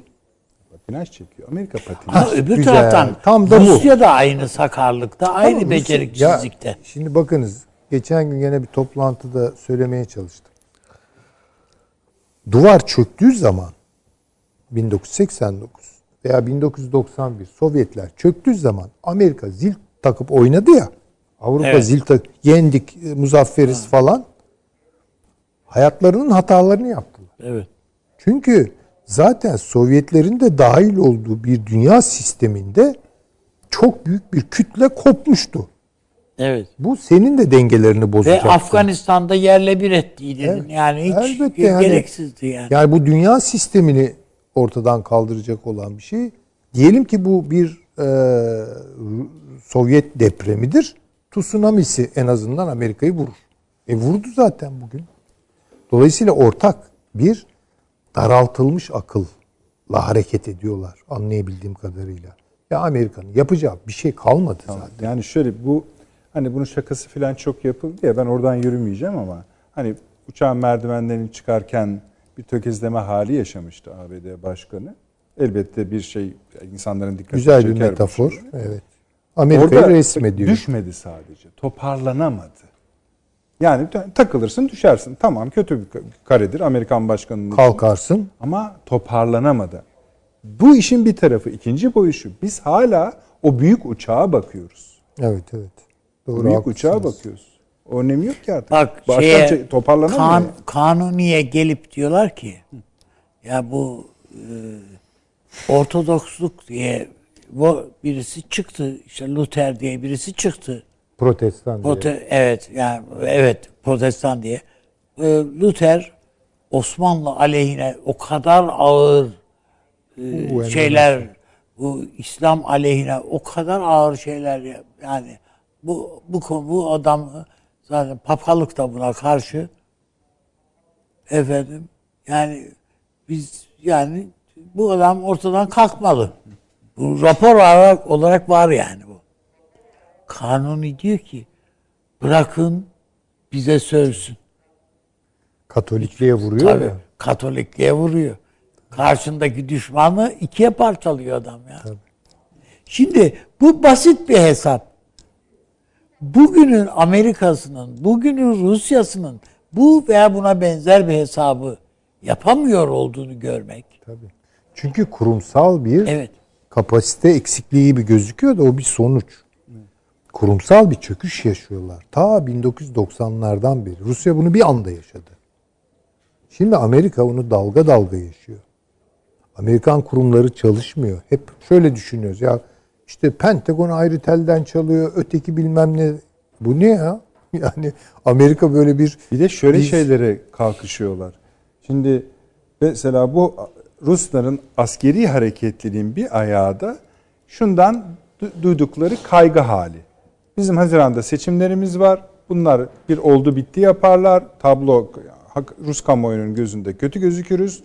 Buna görelik biz böyle şimdi ileri doğru biraz çıkalım. Amerika'da yine kendi haline bakmadan diyor ki bunlar şunu yapıyorlar, bunu yapıyorlar. Bunu biz nasıl bozarız? Navalny'dir, iç karışıklıklardır falan filan. Ama hiç ikisi de yapamıyorlar. Yapamıyorlar. Yani Tabii, bu ga- belki de biz hani şu bölgeye dikkat etmemiz lazım, bu bölgeye dikkat etmemiz lazım diye konuşuyoruz. Belki bizim tekrar baştan Amerika ve Rusya'da çalışmamız gerekiyor. E, Yani. öyle ama yani şimdi bunların hakikaten e, kavgasına bir kere Türkiye girmeyecek. Bakın ben Ha, söyleyeyim. şimdi o ikinci bölümün konusu. Tamam. Evet hocam da Çünkü girerse çok tehlikeli. Yani tabii girer. kremalı taraf Yani o taraf. o- Şimdi keki yaptık abi. Buyurun Taşans hocam buyurun. Nedret Bey ben de ha, ya şöyle bu kapasite meselesinde bir iki şeyi söylemek isterim. Biri Buyurun. Amerika, biri Rusya'ya dair. Şimdi Amerika'daki kapasite sorunu e, biraz akademiya ile alakalı.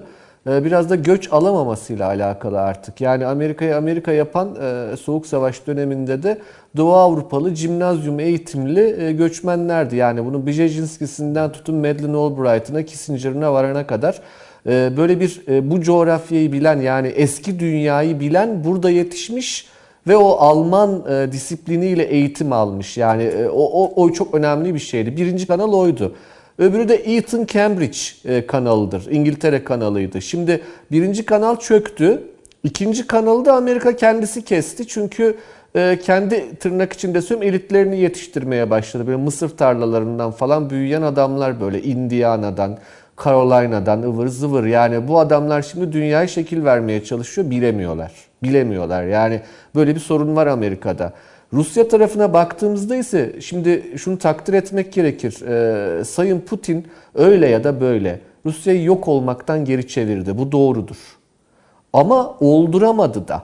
Yani öl, ölmekten kurtardı doğru da olduramadı. Yani bakın 2000 yılından beri iktidarda Rusya'da hiçbir yapısal dönüşüm olmadığını görüyorsunuz. Yani üretim yok. Orta Amerika'da sınıf da öyle. mutlu değil.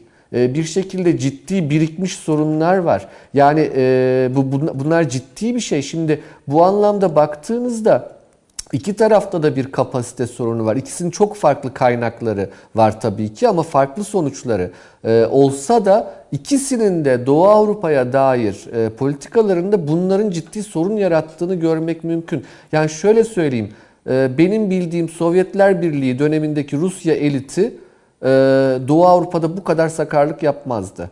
Ama benim bildiğim e, Soğuk Savaş dönemindeki Amerikan eliti de böyle sakarlıklar yapmazdı. Yani bu garip bir dekadans var aslında tüm dünya siyaset yapıcılarında. E, Allah dünyanın sonunu hayretsin diyorum. Çünkü bu tarz beceriksizlikler e, genelde e, olur dünya tarihinde belli döngülerle sonu pek hayırlı olmaz. Peki ama. hocam. Teşekkür ederim. Sonra ikisi birleşip Çin'e saldırmasınlar da. Ay, ara mı veriyoruz onu bilmiyorum. Şöyle, Eğer ara vermiyorsak ben bir şey Hocam, hocam bir şaşırmam dedi şimdi. e, yani şunu da söyleyeyim doğru eğer hani elitlerin Yine seviyesi seviyesi açısından baktığımızda evet bir seviye kaybı var. İki tarafta da var. Ama tabii bu sadece bana kalırsa elitlerin kapasite kaybıyla açıklanamaz. Elit elitlerdeki kapasite kaybına yol açan daha kurumsal bir çöküş var. Dolayısıyla şimdi yeni bir şeyler geliyor. Yeni bir dünya kendini sancılarıyla birlikte doğurmakla meşgul. Oradan doğan bir takım yeni elitlerin e, tecrübesizliği var. Ama bir takım avantajları da var. Eski elitlerin ise yeni süreçlere uyum sağlayamama gibi başka bir problemleri var. Çünkü sistemik bir çöküş.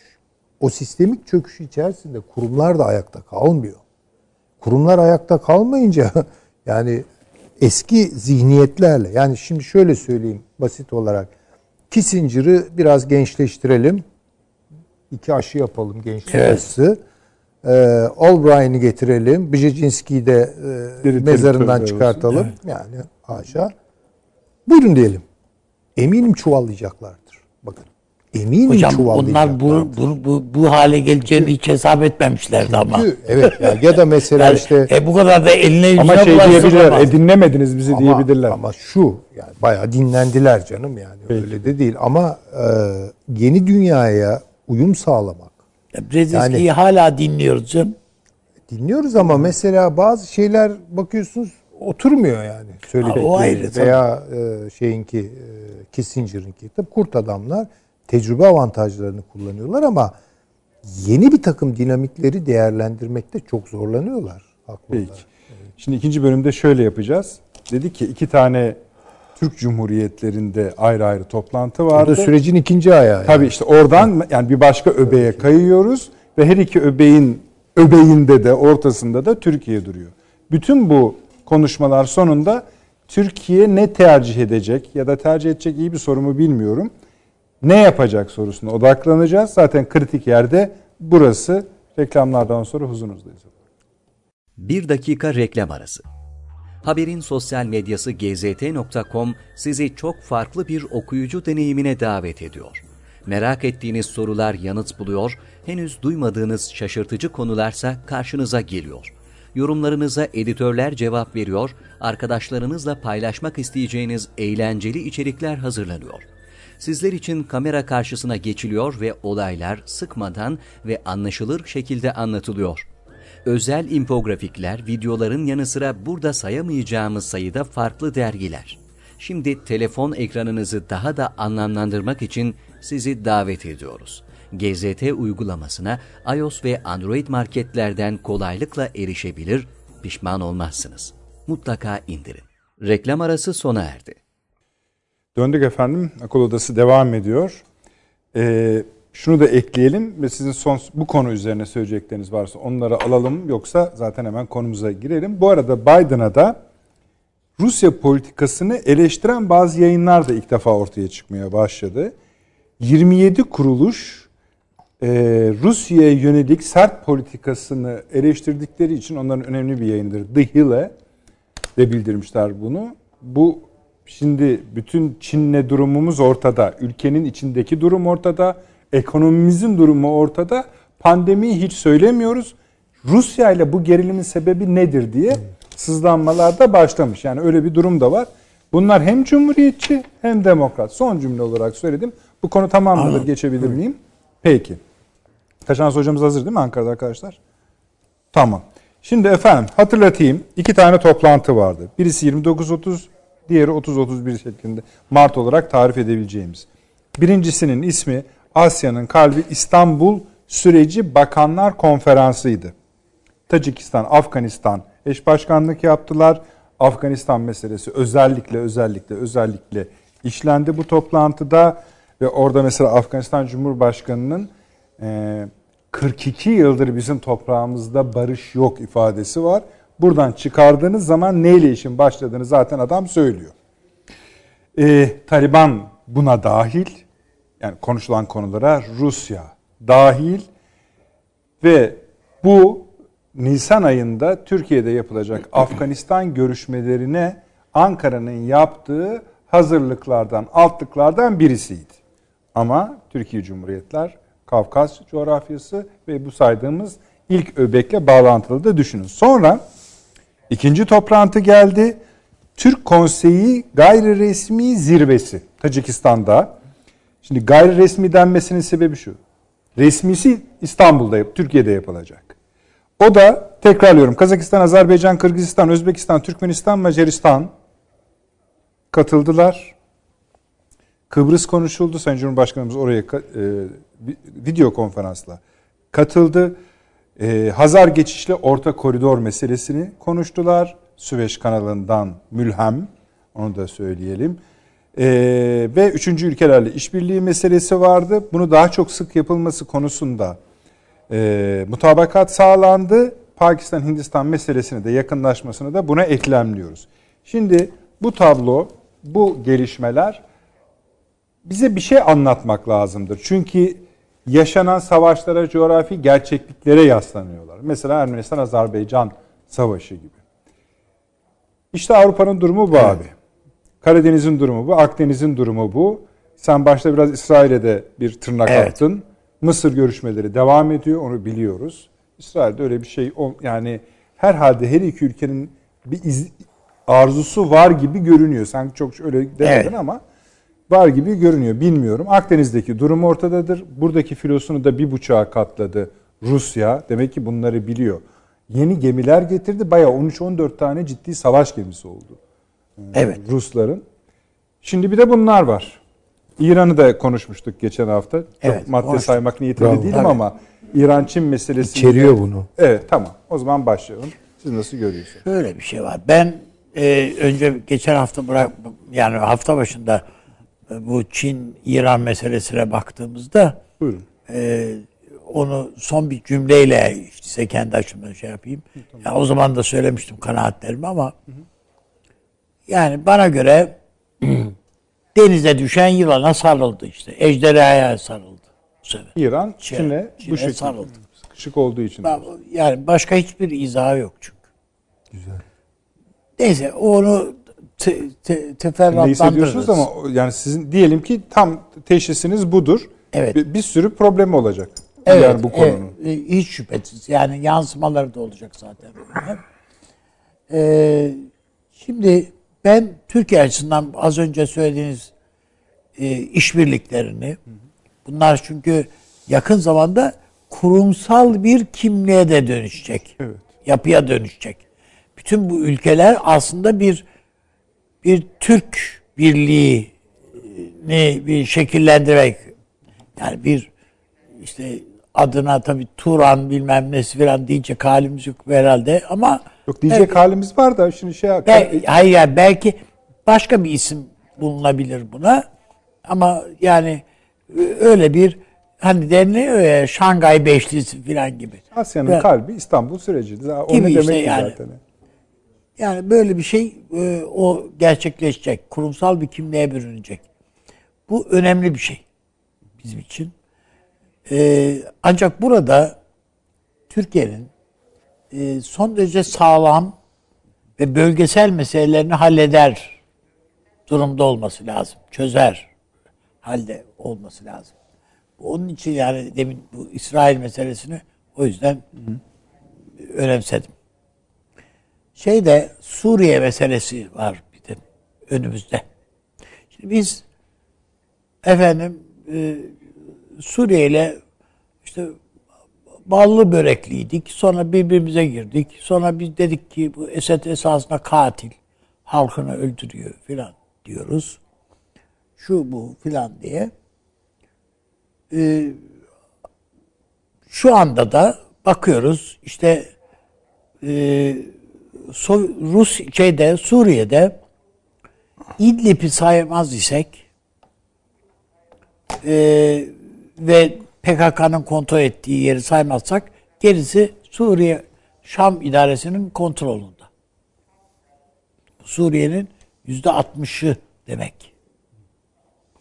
Yani Türkiye açısından kritik şey biz hani Esed'i götü, gönderiyoruz buradan dediğimiz yerde şu anda işte kontrol ettiğimiz Azez filan var. Yani Afrin var filan. Ama e, şu anda son e, Şa- Şam'ın hedeflediği son İdlib var. Ve bunu Rusya ile birlikte götürüyorlar. Alıyorlar. Almak istiyorlar. Ve Rusya bir şekilde Amerika ile anlaşmış gibi gözüküyor. Hem de Esed'i işin başında tutarak yani. Evet biz karşıyız, biz katil, şu bu filan filan ama yani filan. O zaman giderek yani biz istedim Amerika'ya ya biz hani böyle başlamıştık bu işe ya bu el ele verelim de şu Esed'i götürelim filan. Bunu Amerika'yı ikna etmek gibi bir şeyimiz imkanımız yok yani şu anda. Ama bu hala bu hayali besleyen bir poz, şeyde pozisyondayız gibi görünüyor bana. Ee, ben bu siyaseti çok süratle değiştirmek zorundayız diye düşünüyorum. Bunu ilk defa söylemiyoruz. Yani burada daha önceden de bunları konuştuk. Suriye meselesini. Bu Esed'le anlaşalım anlamında değil. Onu soracaktım. Yani, Şa-? Şa- yani Şam'la Şam'la Şam'da da bir yönetim şeyleri var yani. Var bir şekilde. Yani burada e, çünkü Şam lehine Rusya devrede, Amerika da devrede. İsrail de istiyor. Şam yönetimini. Çünkü ne dese kabul ettirdiği bir İsrail, Şam yönetimi var. İsrail'in. Yani gelecek her yönetim İsrail'e karşı tehditkar olacak. Bunun dışında. Ee, bu yani cihatçı grupların dışında işte bir tek dediğim gibi İdlib'le uğraşıyoruz. Onda da Rusya habire Türkiye'yi suçluyor. Siz bu cihatçıları temizleyecektiniz, temizleyemediniz. O yüzden acaba hani bıraksanız mı ki bu işi ya bu falan gibi şeyler üstümüze geliyorlar falan.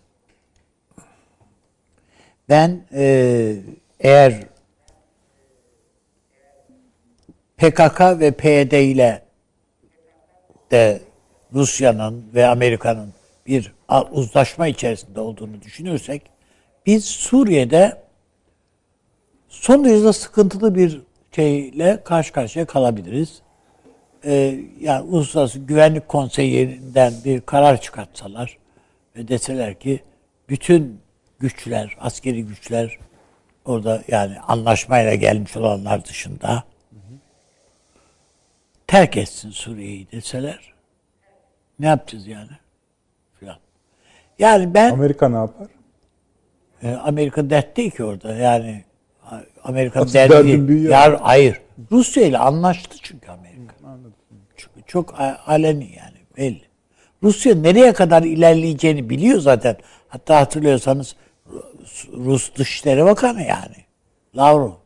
Biz Amerikan ile ayağına basmayacağız Amerikan diye demeç vermedim. Uğra- Onunla uğraşacak halimiz yok dedi. Ha, adam. uğraşacak halimiz yok. Daha ne-. Ha, mealen de söylemiyorum. Böyle dedi yani. A- Aynen öyle. Evet. Bunun bunun tersine bir an için Şam'da Şam'la uzlaşsak biz Şam yönetimiyle bu tıpkı şu anda Sayın Cumhurbaşkanı kendisi devrede değil. Bu Sisi ile istihbarat kademeleri görüşüyor. İşte bakanlar görüşülüyor. Şunlar görüşülüyor. Bunlar görüşüyor falan. Böyle bir ilişkilendirme. E, Suriye yeniden inşa edilecek kardeşim ya. ya. Bu Türkiye için göz ardı edilecek, hiç umursanmayacak, işte gelsin Çinli yapsın. Ya ne, kim yaparsa yapsın. Irak kim inşa edecek? Cehennemin dibine. Bizi ne ilgilendirir? Kim yaparsa yapsın. Bö- Böyle bakacak halimiz yok yani. Yunanistan oradaki ihalelere talip. E ne yapalım? Versinler ona. Hayır böyle bakamayız.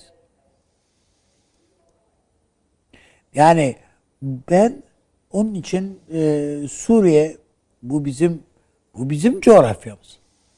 Yani arka bahçemiz. Asırlarca beraber bu burayı, burayı yönettik yani.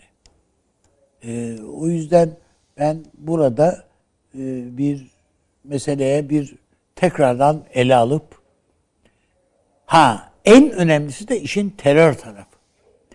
PKK'nın, PYD'nin, PKK'nın hesapları bir tek şeyin üstüne dayalı. Ankara Şam'la anlaşmaz. Ya biz anlaşırız, biz götürürüz. Bak PKK'yı, PK, PYD'yi açığa düşürecek, ben ikisini ayırt etmiyorum da yani kesme işaretiyle söylüyorum. Efendim, bunu açığa düşürecek PKK'yı bir tek hamle var. Ankara'nın Şam'la anlaşması. PKK'nın ne yapacağını bilemeyeceği bir tablo çıkarır ortaya.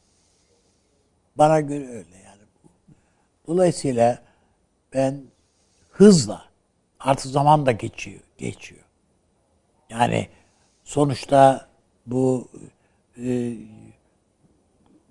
Biden'dan falan o taraftan da biliyorsun bu Suriye'ye kim soktu bizi ne olduk falan. Yani yuh bize falan lafları geliyor artık yani. Evet? Suriye'de yani Ha, demek ki düzeltemezsek bu işi. hani adamlar ya ne yapalım bulabilirler işte biz de böyle bir çözüm bulduk deyip çıkabil, çıkabilecekler yani. Bu PKK'nın, PYD'nin ve Rusya'nın çünkü Rusya'da kendisine orada deniz üstünü filan garantiye almış vaziyette. PKK'da zaten kendine göre bir otonom bölge, işte devletimsi bilmem nesi filan. Kuzey Irak'tan da bakıyor. Oralardan da bir şeyler kapar mıyız diye bakıyorlar. Eğer biz bunları uzaktan seyredeceksek, yani veyahut da seyretmek istemiyorsak, biz mutlaka bu oyunu, Peki. bu şeyi, kurguyu bozmalıyız. Tıpkı bugün Mısır'da bozuyorduk. Bozuyoruz işte canım yani. Yani bütün Yunanistan'ın filan el birliğiyle yaptıkları kurgu bozuluyor işte. Biraz daha cesaretle, biraz daha böyle aktif bir şeyle, biraz alttan alma, biraz efendim diplomasi, e bütün bunlarla. E burada da yapılması gereken aynı şeyler. Bunun için de Şam'la Yani bir evet ben Şam'ı bu manada önemsiyorum. Bu Irak açısından da önemli. Irak'a da Irak'a da Gayet bak. Direkt Irak'la da bağlı. Yani şimdi Bağdat'la anlaştılar. Yüzde on yedi buçuktu anayasaya göre. Bunların bütçe payı 12 buçuk Peki. üzerine anlaştılar ve o parayı alacaklar. İşte belli bir miktar her gün e, 350 bin varil herhalde yanlış hatırlamıyorsam e, petrol veriyorlar Bağdat'a. E, bu- kadar basit yani. Peki. Teşekkür ediyoruz. Ee, Süleyman Hocam buyurunuz. Bu biraz sonra ekranlarınıza efendim iki bölge liderinin bu toplantılarda yaptıkları konuşmalardan alıntılar gelecek.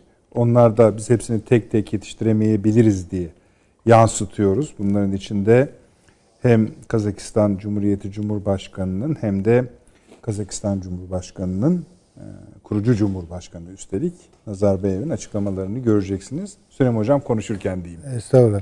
Şimdi Onları ikili kelebekte verebiliriz arkadaşlar. İran eee, Çin'e teslim oldu. Güzel. Bu bir güzel.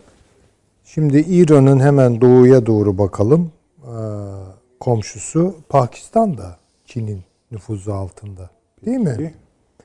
Bir de Afganistan- Hindistan'la da şey. Ee, Afganistan e, Taliban üzerinde Hatta Çin'in Sri Lanka'yı da etkisi teslim alıyor Çin. evet yani şimdi koridoru getirdiğiniz zaman aşağı yukarı Türkiye sınırı işte paşamız onları da söyledi. Irak'la, Körfez'le, Aden'le, şurada burada yani Çin hem baharat yolunu tarihsel olarak takip ederek hem İpek yolunu takip ederek Türkiye'ye yakınlaştı. Yani coğrafi manada. Türkiye ile olan ilişkileri de pek böyle o konularda şey verilmiyor. Yani e, ne diyelim ona e, sır verilmiyor ama yani özellikle kredi ilişkileriyle vesaireyle hakikaten e, yavaş yavaş Türkiye'de bu oluşumdaki yerini e, şöyle veya böyle alacak. E, Bu bu kendi yerlerine koydunuz mu onları? Yani İran tamam. Pakistan İran tabii çok e, açmazda olduğu için tamam öyle. kucağına yani düştü Bey'in dediği gibi Ha, düştü. Türkiye öyle değil. Ama rahatladı da bence İran biraz. Elbette rahatladı. Pakistan konusunda belirledik mi tabloyu? E, Pakistan'da da Çin'in nüfuzunu biliyoruz. Yani bu da Türkiye-Pakistan yakınlaşmasının da bir Türkiye-Çin yakınlaşmasına doğru evrilen bir tarafı olacaktır elbette. İkinci bir şey daha siz onu vurguladınız. Çok doğru. Hindistan Çin'le arayı düzeltiyor. Pakistan da düzeltiyor. Ee, Pakistan'la da Hindistan Yani arayı düzeltiyor. düzeltiyor.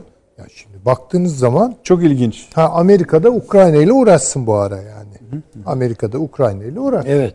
Tabii Ya dediğiniz şimdi doğru. çok enteresan yani bu. Tık yok bu konuda. Yani İran'la Çin yakınlaşması konusunda bu nasıl bir siyasettir? Hakikaten anlamak çok zor. Koskoca İngiltere e, 6. nesil teknolojik altyapıda Çin'e te- Çin'den yana tercihini kullandı. Tabii işte, ona Amerika'nın ona bir sözü yok. Çok mühim. sana bilmem ne niye S400 aldın da öbürü bilmem ne yaptın. Ya öbürü Tabii. sen Huawei diye yırtınıyordun. Tabii. Şimdi e, bu Şimdi bir hat. şey daha söylediniz ama yani şimdi Pakistan, Hindistan, Çin arasındaki iyileşmeleri de tam tarif edebiliyor muyuz? Anladık mı yani. Çin'in e, yani daha doğrusu Amerika ne istiyordu? Çin'le Hindistan'ı germek istiyordu. Aynen değil mi öyle. yani? Aynen öyle. Pakistan'la bilmem İran'ın arasına bel, şey önemli bir sorununu- oyuncusu kabul ediyor Hindistan'ı. Evet, vesaire. tabii e, Belucistan meselesini Öyle. kama gibi sokmuşlardı. İşte Hindistan'la Pakistan yani bozmaya çalışıyordu buna ama bu işlemiyor. Anlaşılıyor ki yani Çin'in bu konudaki yayılması bu buralarda devam ediyor. Ve bu bence bu bölgeye geliyor. Hani şimdi tabii paşam bunu çok güzel vurguladı. Hatırlayalım onu. İşte askeri bir mahiyet kazanıp kazanmayacağı konusunda benim tereddütlerim var. bizim Zaten orada tek de var. e, problem o. Yoksa Çin'in o şeyleri hevesleri konusunda hiç, Hiç şüphe yok. Bir de- Körfez ülkelerine de dönük. Ha yani Aliyev yani bugün hal böyle çok yakın bir gelecekte veya bilmem bilemem tayin edemem tabii öngörüm yok ama e, bu işin bir askeri boyut kazanacağı da açıktır yani kimse de böyle sadece ticaret falan değil ama ne zaman hangi vadede olur bütün bunlar onu O bilmiyorum. yüzleşmeden kurtulması mümkün değil iki ülkenin de. Ta- tabii. Şimdi ama bir başka şey gelişiyor. Şimdi böyle bir ta bilmem Çin'den başlayıp ta buralara kadar gelen içine baharat yolunu da alıp Afrika'daki trans e, daha doğrusu Sahara altı e, ticaret yollarıyla da bilmem buluşan Aden'le şurada tamam.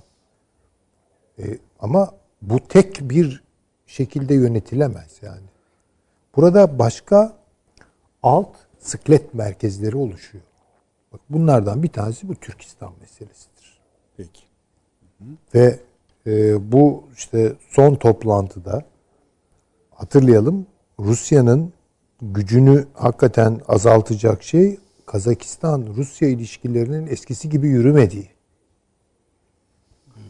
Kazakistan'da bir dönüşüm var. Latin alfabesine geçiyorlar yani. Başka başka ülkeler de yapıyor onu. Özbekistan da yapıyor aynı şeyi. Yani orada bir Tabii. kıpırdanma var. Yani orada bir Türkistan hattı özellikle bu işte şeyden başlayarak bizim e, Nahçıvan'dan başlayarak Hazar üzerinden bir Türk hattı da bir Türkistan hattı da kuruluyor. Şimdi bu bir ayrı bir siklet merkezi olacak. Şimdi bunun pazarlığı yapılmıyor Çin'le. Yani Çin'in istediği şey çok açık. Çok böyle ihtirasla geliyor. Ve tek hakim olmak istiyor. Ama tek hakim olamaz. Mümkün değil. Ha nasıl zamanında İpek yolu birkaç parçaydıysa siyasal organizasyon açısından bu yeni dünyada da böyle olacak. Türkiye'nin bence biraz fırsatları oraya doğru gidiyor. Yani bunlar tabii Türkiye-Rusya ilişkilerinde de dikkat edilmesi gereken hususlar. Yani sadece Ukrayna değil Rusya ile Eskisine konuşurken. göre daha az dikkat edilmesi gereken hususlar mı? Yani şöyle e, biraz böyle hani nasıl söyleyeyim Bakın bu saydığınız coğrafyadaki Bunlar Türkiye'nin elini kuvvetlendiren. Normal tabii tabii ona Tabii, bir şey değil. tabii. Normal Çünkü- şartlarda Rusya'nın hemen hırlamasına sebep olacak işte yapamıyor. değil. Yapamıyor Yap- o kadar. Hayır ama Türkiye bu, bu iddiayla, Türklük iddiasıyla dişini göstermiyor. Tabii. Tabii, heh. tabii. Burada bir şey var. Orada işte işte Yunus Emre da- diyorsun. şu- Şunu diyorsun, bunu diyorsun. Yani Yani, hatta- ticari ilişkiler diyorsun filan. Tabii ya hatta Lavrov bile dedi ya ya bunlar kültürel Evet, kültürel meseleler işte ya. ticari şeyler falan diye bak, bak bakmaya çalışıyor. Ama çok kontrolünde Olmadığını değil. bilirler ama çok işte kontrolünde değil. çünkü şey yapamıyorlar. Ya bu sadece Türkiye ile Rusya arasında bir rekabetin içinde gelişen bir şey Bir değil. şey Çin değil. var çünkü. Belki de diğer oyuncuların tehditleri nedeniyle Türkiye Rusya kontrolünde değilse de birbirlerini gözeterek yürüdükleri de bir Tabii şey. tabii. Kaldı ki öyle de zaten. Türkiye Tabii. gözetiyor bir de. Tabii. Yani Rusya'nın ayağına basmamaya çalışıyor Türkiye. Basmamaya çalışıyor. Bu Onlar Ukrayna meselesinde de Yol- bu böyle olacak. Bakın Ukrayna'ya silah verecek Türkiye. Evet.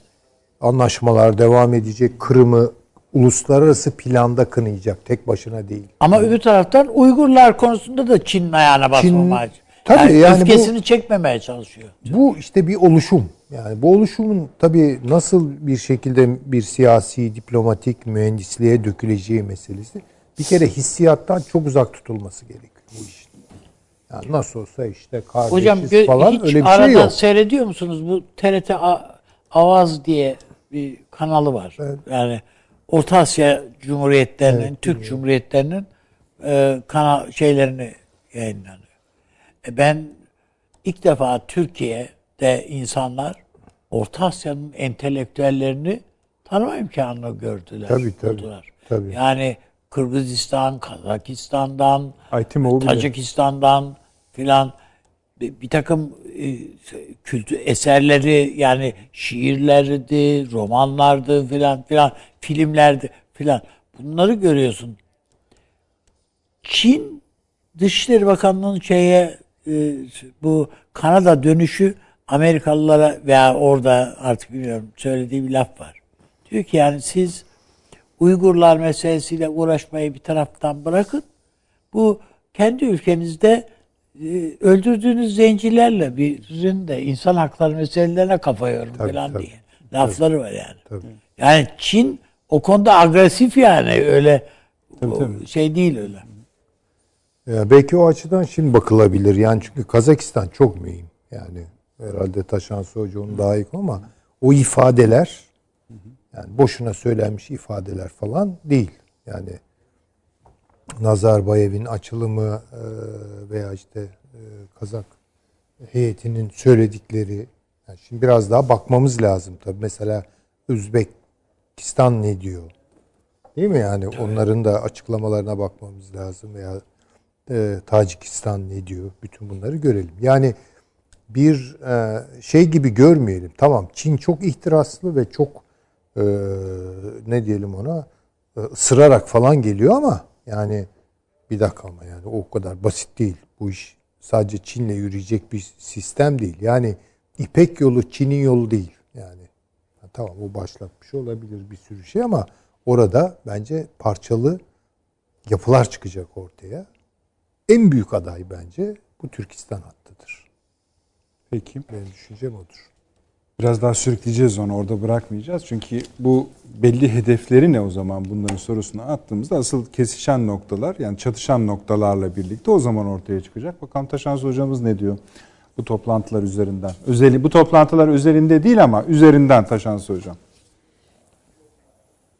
Anladım. Ee, vallahi yani şöyle söyleyeyim hani ben çok önemsiyorum e, kurulduğu zamandan beri Türkiye eşini. Ee, bizim kulakları çınlasın emekli büyükelçimiz Halil Akıncı Bey e, ön ayak olmuştu bu Türkiye eşinin kurulmasına ve hani uluslararası örgütlerde de çok zordur böyle bir şey.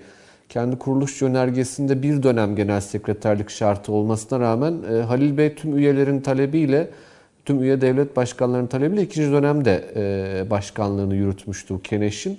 E, yani benim de yakinen tanıma e, ayrıcalığına sahip olduğum çok değerli bir büyükelçimiz. Yani O Türkiye'nin isteğiyle değil. O katılımcı ülkelerin oylarıyla öyle söyleyelim. Tabii tabii tabii hepsinin hepsinin hepsinin tabii hepsinin yani o çok hani e, gerçekten istisnai bir durumdur. E, yani e, büyük oranda onun sayesinde ama hani dışarıdan da zaten takip ediyorum. Çok önemsiyorum. Hani kurulduğu günden beri de çok gerçekten ölçülü ve istikrarlı bir e, etki alanını genişletme trendini yakaladı. E, Yani söylenen şeyde artık bunun bir konsey olmaktan çıkıp bir teşkilat haline alması e, gündemde artık. E, orada tabii e, üye ülkelerin dışında bir de bir gözlemci üye statüsü oluştu biliyorsunuz. Macaristan ilk gözlemci üye olarak kabul edildi. O ilginç bir noktadır hani Macaristan'ın bunu kabul etmesi, yani böyle bir talepte bulunması. E, Çok da ısrarla bir talebin sonucunda Macaristan bu gözlemci üye statüsünü kazandı burada. Hani orada bir parantez içinde sadece e, Şüpheleriniz söylemekte var fayda gibi görürüm. konuştunuz. E, bu Yo yo hiç e, şüphelerim e, kısmen ama onun öncesinde hani şunu söylemekte fayda var. Bu 19. asırda Türk milli kimliğinin oluşumunda e, Macar e, Türkologlar çok çok önemlidir. Yani Macar Turancılığı diye adlandırılır hatta bu. E, biz e, Hocam Osmanlı biliyor. İmparatorluğu Hocam, durun. girmeden Macarlar Durun, girmişti durun bu işe. O, Konuşturmaz o da. Buyurun. daha O hocam daha ilk kurdukları kurdukları da o Turan Cemiyeti ilk Macaristan'da kurulduğunda Türkiye gözlemciydi hocam. Van Beri tabii. Evet tabii tabii. Van Beri'nin Tamam. Buyurun hocam. Doğru doğru. Yani oradan öyle bir şey var. Ee, hani e, onun dışında bir de tabii şöyle hani e, Macaristan'ın e, çok ayrıksı bir pozisyonu var şu an Orban yönetiminde. Hani bu e, genel bir etnik kimlik bilincinin yanında Macar dili başka bir dildir gerçekten. Hani Avrupa'da komşuları içinde de benzeri olmayan bir dildir. Ee, Ben şakasını yapmayı çok severim. Bir Türk'le bir Finli evlenirse çocukları ne olur? Ee, Çocuk Macar olur diye. Yani bir Güney Türk'ü, bir Kuzey Türk'ü ortada işte Macar Türk'ü gibi bir şey çıkar. Öyle Finler ve Estonlar da aynı dil grubundandır çünkü ama mesela hani ileride acaba onlar da gözlemci olacak mı sorusu önemli e, Türk Konseyi açısından mümkündür. E, duyduğum başka bir şey Kore'nin ve Japonya'nın e, başvurularının olduğu. Ee, hani çok uzak gibi geliyor bize ama dil grupları çerçevesinde bunlar Ee, gerçekten Kore Korece ve Japonca da e, geniş e, Türk dil ailesinin bir parçasıdır. Uzak akrabalardır. E, fakat akrabalardır. Onların da başvurusu var. Hani orada da 19. asırda nasıl Macar Turancılığı dedik. e, 20. asra damgasını vuran Turancılık da Japon Turancılığı olsa gerek. Yani bu e, Türk kimliğine merak ve bunun bir siyasal yansıması e, öyle bir şeyi vardır. E, bir tarafta Macaristan, bir tarafta Japonya. Şimdi e, bu siz dediniz şüpheleriniz var. E, şimdi şöyle benim bir şüphem var tabii bu konuda. E, çünkü bunun başlangıcı Türk dili konuşan ülkeler konseyi idi. E, ben e, bunu çok önemserim. Yani dil kardeşliğini. E, Macarca e, ve Japonca evet teknik olarak yani linguistik anlamda doğrudur. Türkçenin uzak akrabalarıdır. E, ve fakat e, bir herhalde aynı dil olmadığını söylemek hiç e, yanlış olmayacaktır. Bunlar başka diller. E, Dolayısıyla ben hani bunun her böyle atılan ileri adımın fayda getireceği kanaatinde değilimdir her şeyde. Gözlemci üyelik okey ama bunun merkezinde bunun Türk dili konuşan ülkeler olması. Yani birbirini anlayan ülkeler olması dil anlamında bence e, son derecede manidardır. Olması gereken de odur diye düşünüyorum. Commonwealth gibi yani. Ee, mesela işte geçen haftalarda e, e tabii yani geçen haftalarda benim çok e, e, çok güzel bir görüntüydü o işte yani Özbekistan ve Evet, e, evet. Kazakistan Dışişleri Bakanlarının birbirleriyle e, kendi dilleri olan Türkçe'de konuşmaları. Yani normalde Rusça konuşur bu insanlar. E, biz buna alışıktık. Şimdi şunu gördü insanlar. Birazcık dil bilgisi sahibi olan insanlar. Yani lise düzeyinde eğitime sahip olan birisi çok rahatlıkla eğer merakı varsa birkaç hafta içinde bu diğer dillerin hepsini anlar konuşur duruma gelir. Konuşur derken şöyle geriye ket vurma vardır. Yani bir Anadolu Türk'ünün Azerbaycan Türkçesi konuşması her zaman çok zordur. Çünkü e, rakip gibidir bunlar. Aksan olduğu için ikisi. E, Mesela işte Rusça konuşurken lehçe konuşmaya da çalışmazsınız. Siz Rusça konuşursunuz, karşınızdaki leh size anlar. Aynı şekilde bir Azerbaycan Türk'ü Azerbaycan Türkçesi konuşur, Anadolu Türk'ü onu anlar eğer anlamak istiyorsa. Ee, aynı şekilde e, karşılıklıdır bu iş. Yani dolayısıyla Türk dili konuşan ülkelerin e, merkezinde bulunduğu bu yapıyı ben önemsiyorum. Ee, hani e, siyaseten daha geniş çemberler belki mümkün ama orada mutlaka kademelendirmek, üyelik statülerini e, düzenlemek gerekir. Tabii orada Taşansı başka hocam. bir husus e, Tacikistan'ın e, ve Afganistan'ın konumudur coğrafi olarak. Buyurun. Şimdi siz teşkilatlanacak dediniz ya. Onu dediğinizden itibaren siyasi bir şey söylemek zorundasınız. E tabi siyasi bu. Baştan beri siyasidir. Ama oraya kadar her şey kontrollü- siyasi İşte hayatta. o Dil dil bizzat siyasi bir şeydir zaten. Tam da onun altını çizmek istiyorum aslında. O siyasi imgelemimizi, e, bizim Çatısı siyasi gösterenimiz, siyasi Türk referansımız Soy ne? diye bir örgüt var. Pardon hocam geliyorum. Şimdi Türk Soy diye bir örgüt var hocam. O e, bizim Evet. yani Kültür Bakanlığı e, çatısı altında ya o zaten Türk soylu ülk halklar şeyi diye. Onun için o dilden bir adım öteye orada zaten Tamam var. ama hala muhteviyatın siyasi formunu söylüyorsunuz. Evet, öyle. Muradınız ne? Muradınız. Taşansı hocam. Ya Murat bellidir. Murat burada bellidir. Ee, bu kültürel yakınlık e, illaki siyasi bir yakınlığı da doğurur ama Ee, yani e, bugüne kadar Türkiye'nin izlediği, son dönemde izlediği, bakın buna hatalar da yapıldı 90'lı yıllarda bu konuda. Ee, çok yüksek perdeden açıklamalar. Ee, yani siyaset öyle bir şeydir ki illa bağıra çağıra bir şeyleri yapmak zorunda değilsiniz. Bir yaparsınız, e, pardon 10 yaparsınız bir konuşursunuz. Ee, Biz 90'lı yıllarda bu konuda 10 konuştuk. Bir bile yapamadık. Ee, Onun ceremesini çekti bu Üzüldük ülkede. sonra, evet. Diğer e, Türk dili konuşan ülkelerde. Şu an doğru olan şey yapılıyor bence. 10 iş yapılıyor, bir konuşuluyor. Hani o yüzden e, o e, yaklaşımı ben önemli buluyorum. Nedir burada? Kültürel yakınlık, ortak e, dilin güçlendirilmesi. Mesela işte Sayın Nazarbayev'in vardı bugün hani e, taleplerinin arasında. Mesela sinema sektörü. Yani ne kadar önemli bir sektör. Bu konuda dayanışma. Ortak bir fon, yatırım bankasının kurulması, ortak burs fonlarının oluşturulması. Bunlar çok çok özel girişimlerdir gerçekten. E, o noktada hani e, bir biraz önce kaldığım yerden Afganistan. devam edeyim. Orada önemli bir nokta vardı. Coğrafi olarak evet burada iki ülke vardır e, Türk dili konuşmayan bu coğrafyanın içerisinde. Birisi Afganistan öbürü Tacikistan. Bunların ikisi de Hint Avrupa dil grubundan e, dillerdir. Yani Tacikçe e, kırık bir Farsça gibidir. E, Dari ya da Peştun Afganistan'da da öyledir. Fakat her ikisinde de e, Türk dili konuşan e, geniş kitleler olduğu için bunların da bu şekilde bir e, özel statüyle eklemlenmesi söz konusu olabilecektir coğrafi bütünlük anlamında diye düşünüyorum. E, Ancak hani e, burada iki ülke var ki mutlaka zikredilmesi gerekiyor. İran e, nereden baksanız en en düşük tahminle 30 milyon Türkçe konuşan insanın yaşadığı bir ülke.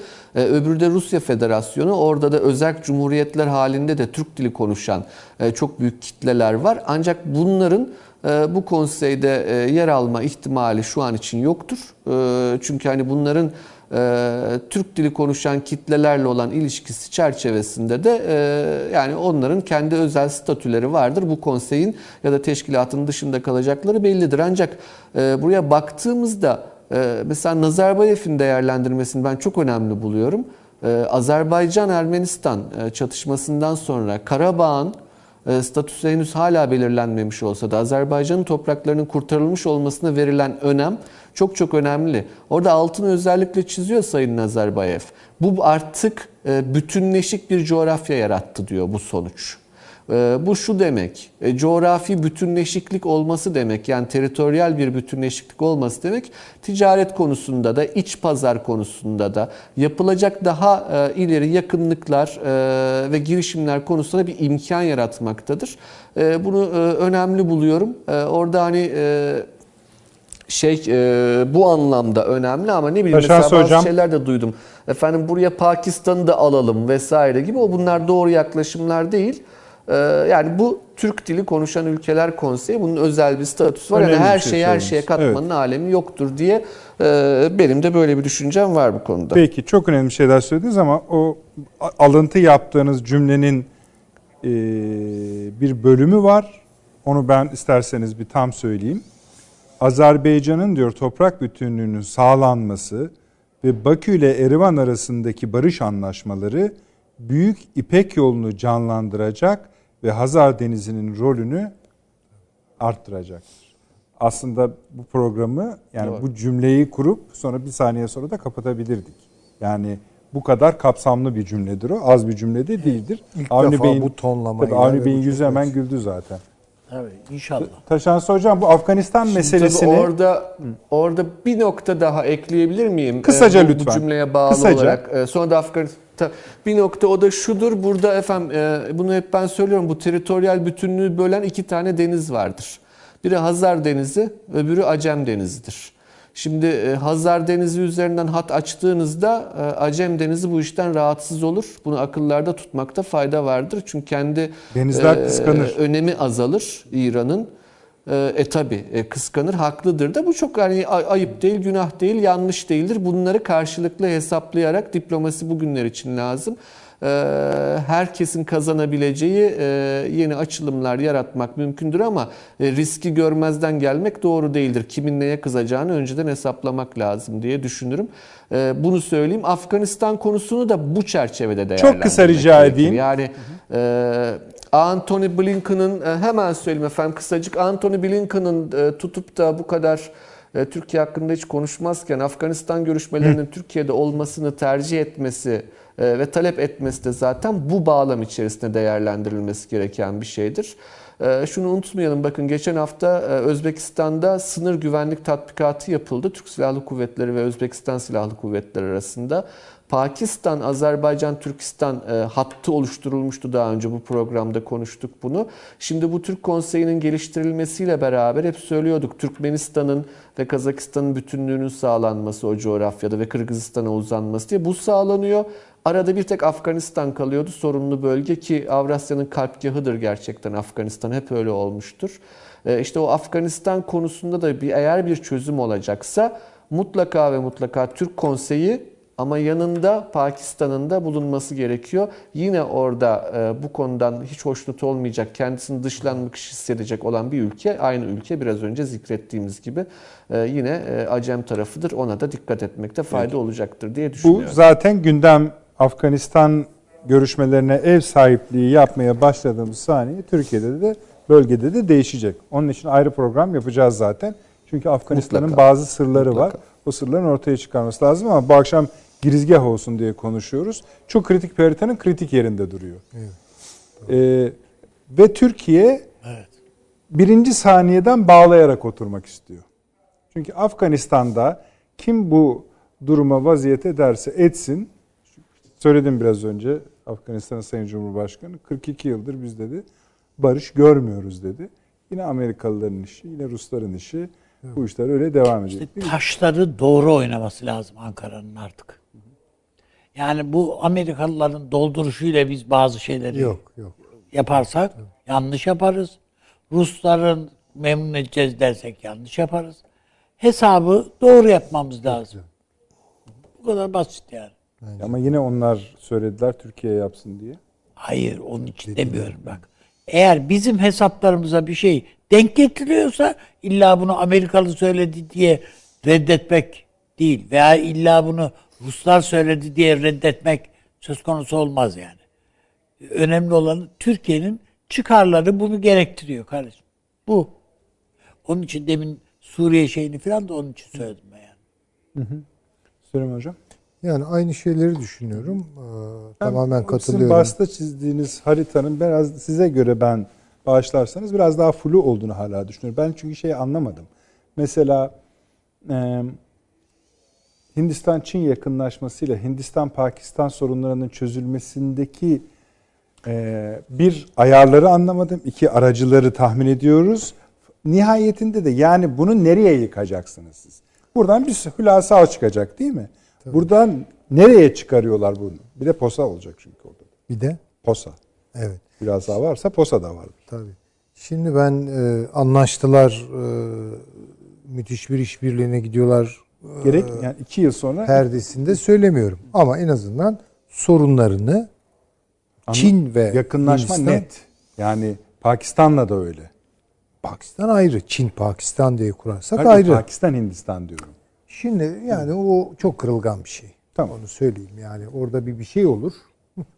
E bir bakarsın ki Amerika araya girer Hindistan'a sen ne yapıyorsun ya der. Yani Hindistan Başka onu belki karşılayabilir de ama eğer e, Müslümanlarla sahada Hinduları karşı karşıya getirecek bir şey olursa o çok kötü bir şey olur. Yani kırılgan bunlar. Şimdi dört başı mamur oturdu demiyorum ben. Benim söylemek istediğim şey şu. Amerika'nın yapmak istediği bu işte İpek yolu ve baharat yolunu canlandıran ve Çin'in hakim olabileceği şekilde e, geliştiren süreçleri baltalamaya çalışıyor. Bu çok açık. Yani Malaka Boğazı'ndan evet, evet. başlıyor. E işte efendime söyleyeyim Çin, Hindistan, Hindistan, Pakistan, İran, Pakistan falan. S- Şöyle gözüküyordu şey, üstten yani bakınca. Satranç tahtasında şu, yani kareler var ya. Bir şeridi bu oldu. Yani Tabii. Suriye, Irak, İran, Afganistan, Pakistan, Afganistan, Hindistan'a dayanan Zaten bunun bir karada bir şeridi var. Bir denizden şeridi var zaten. Baharat yolu bu derken kadar. kastettiğim o. Şimdi Baharat her bir o. her bir karesinde bu şeridin başka bir oyuncu hakim gibi. Yani mesela İran'da Çin. Pakistan'da Geçen sefer onun için dedik Pakistan'da işte bu Çin. Çin diyorsunuz ama Mi- Pakistan'a hala Myanmar'a Amerika. onun için söyledik mesela. Yani bu son şeyden sonra El-Kaide işlerinden sonra Taliban işlerinden sonra yani kolay kolay o olmaz. Yani Pakistan'ın durumu Türkiye'ye benziyor. Yani bir dönem hatırlayın Rogers planına e, selam duran Kenan Evren e, Ziyaül Hak en Evet, yakın öyle. arkadaşı kol kola gelip gidiyorlardı. Şimdi öyle bir Pakistan yok artık. Çünkü Amerika'dan e, gördüğü ihaneti her bir Pakistanlı çok iyi gördü, yaşadı. Sabotajlar, terör, Tabii Neler hocam neler. kullanılmıştık. göç neler yaşadılar. E Türkiye de bunu yaşadı. Yani çekiç güçten başlayarak değil mi?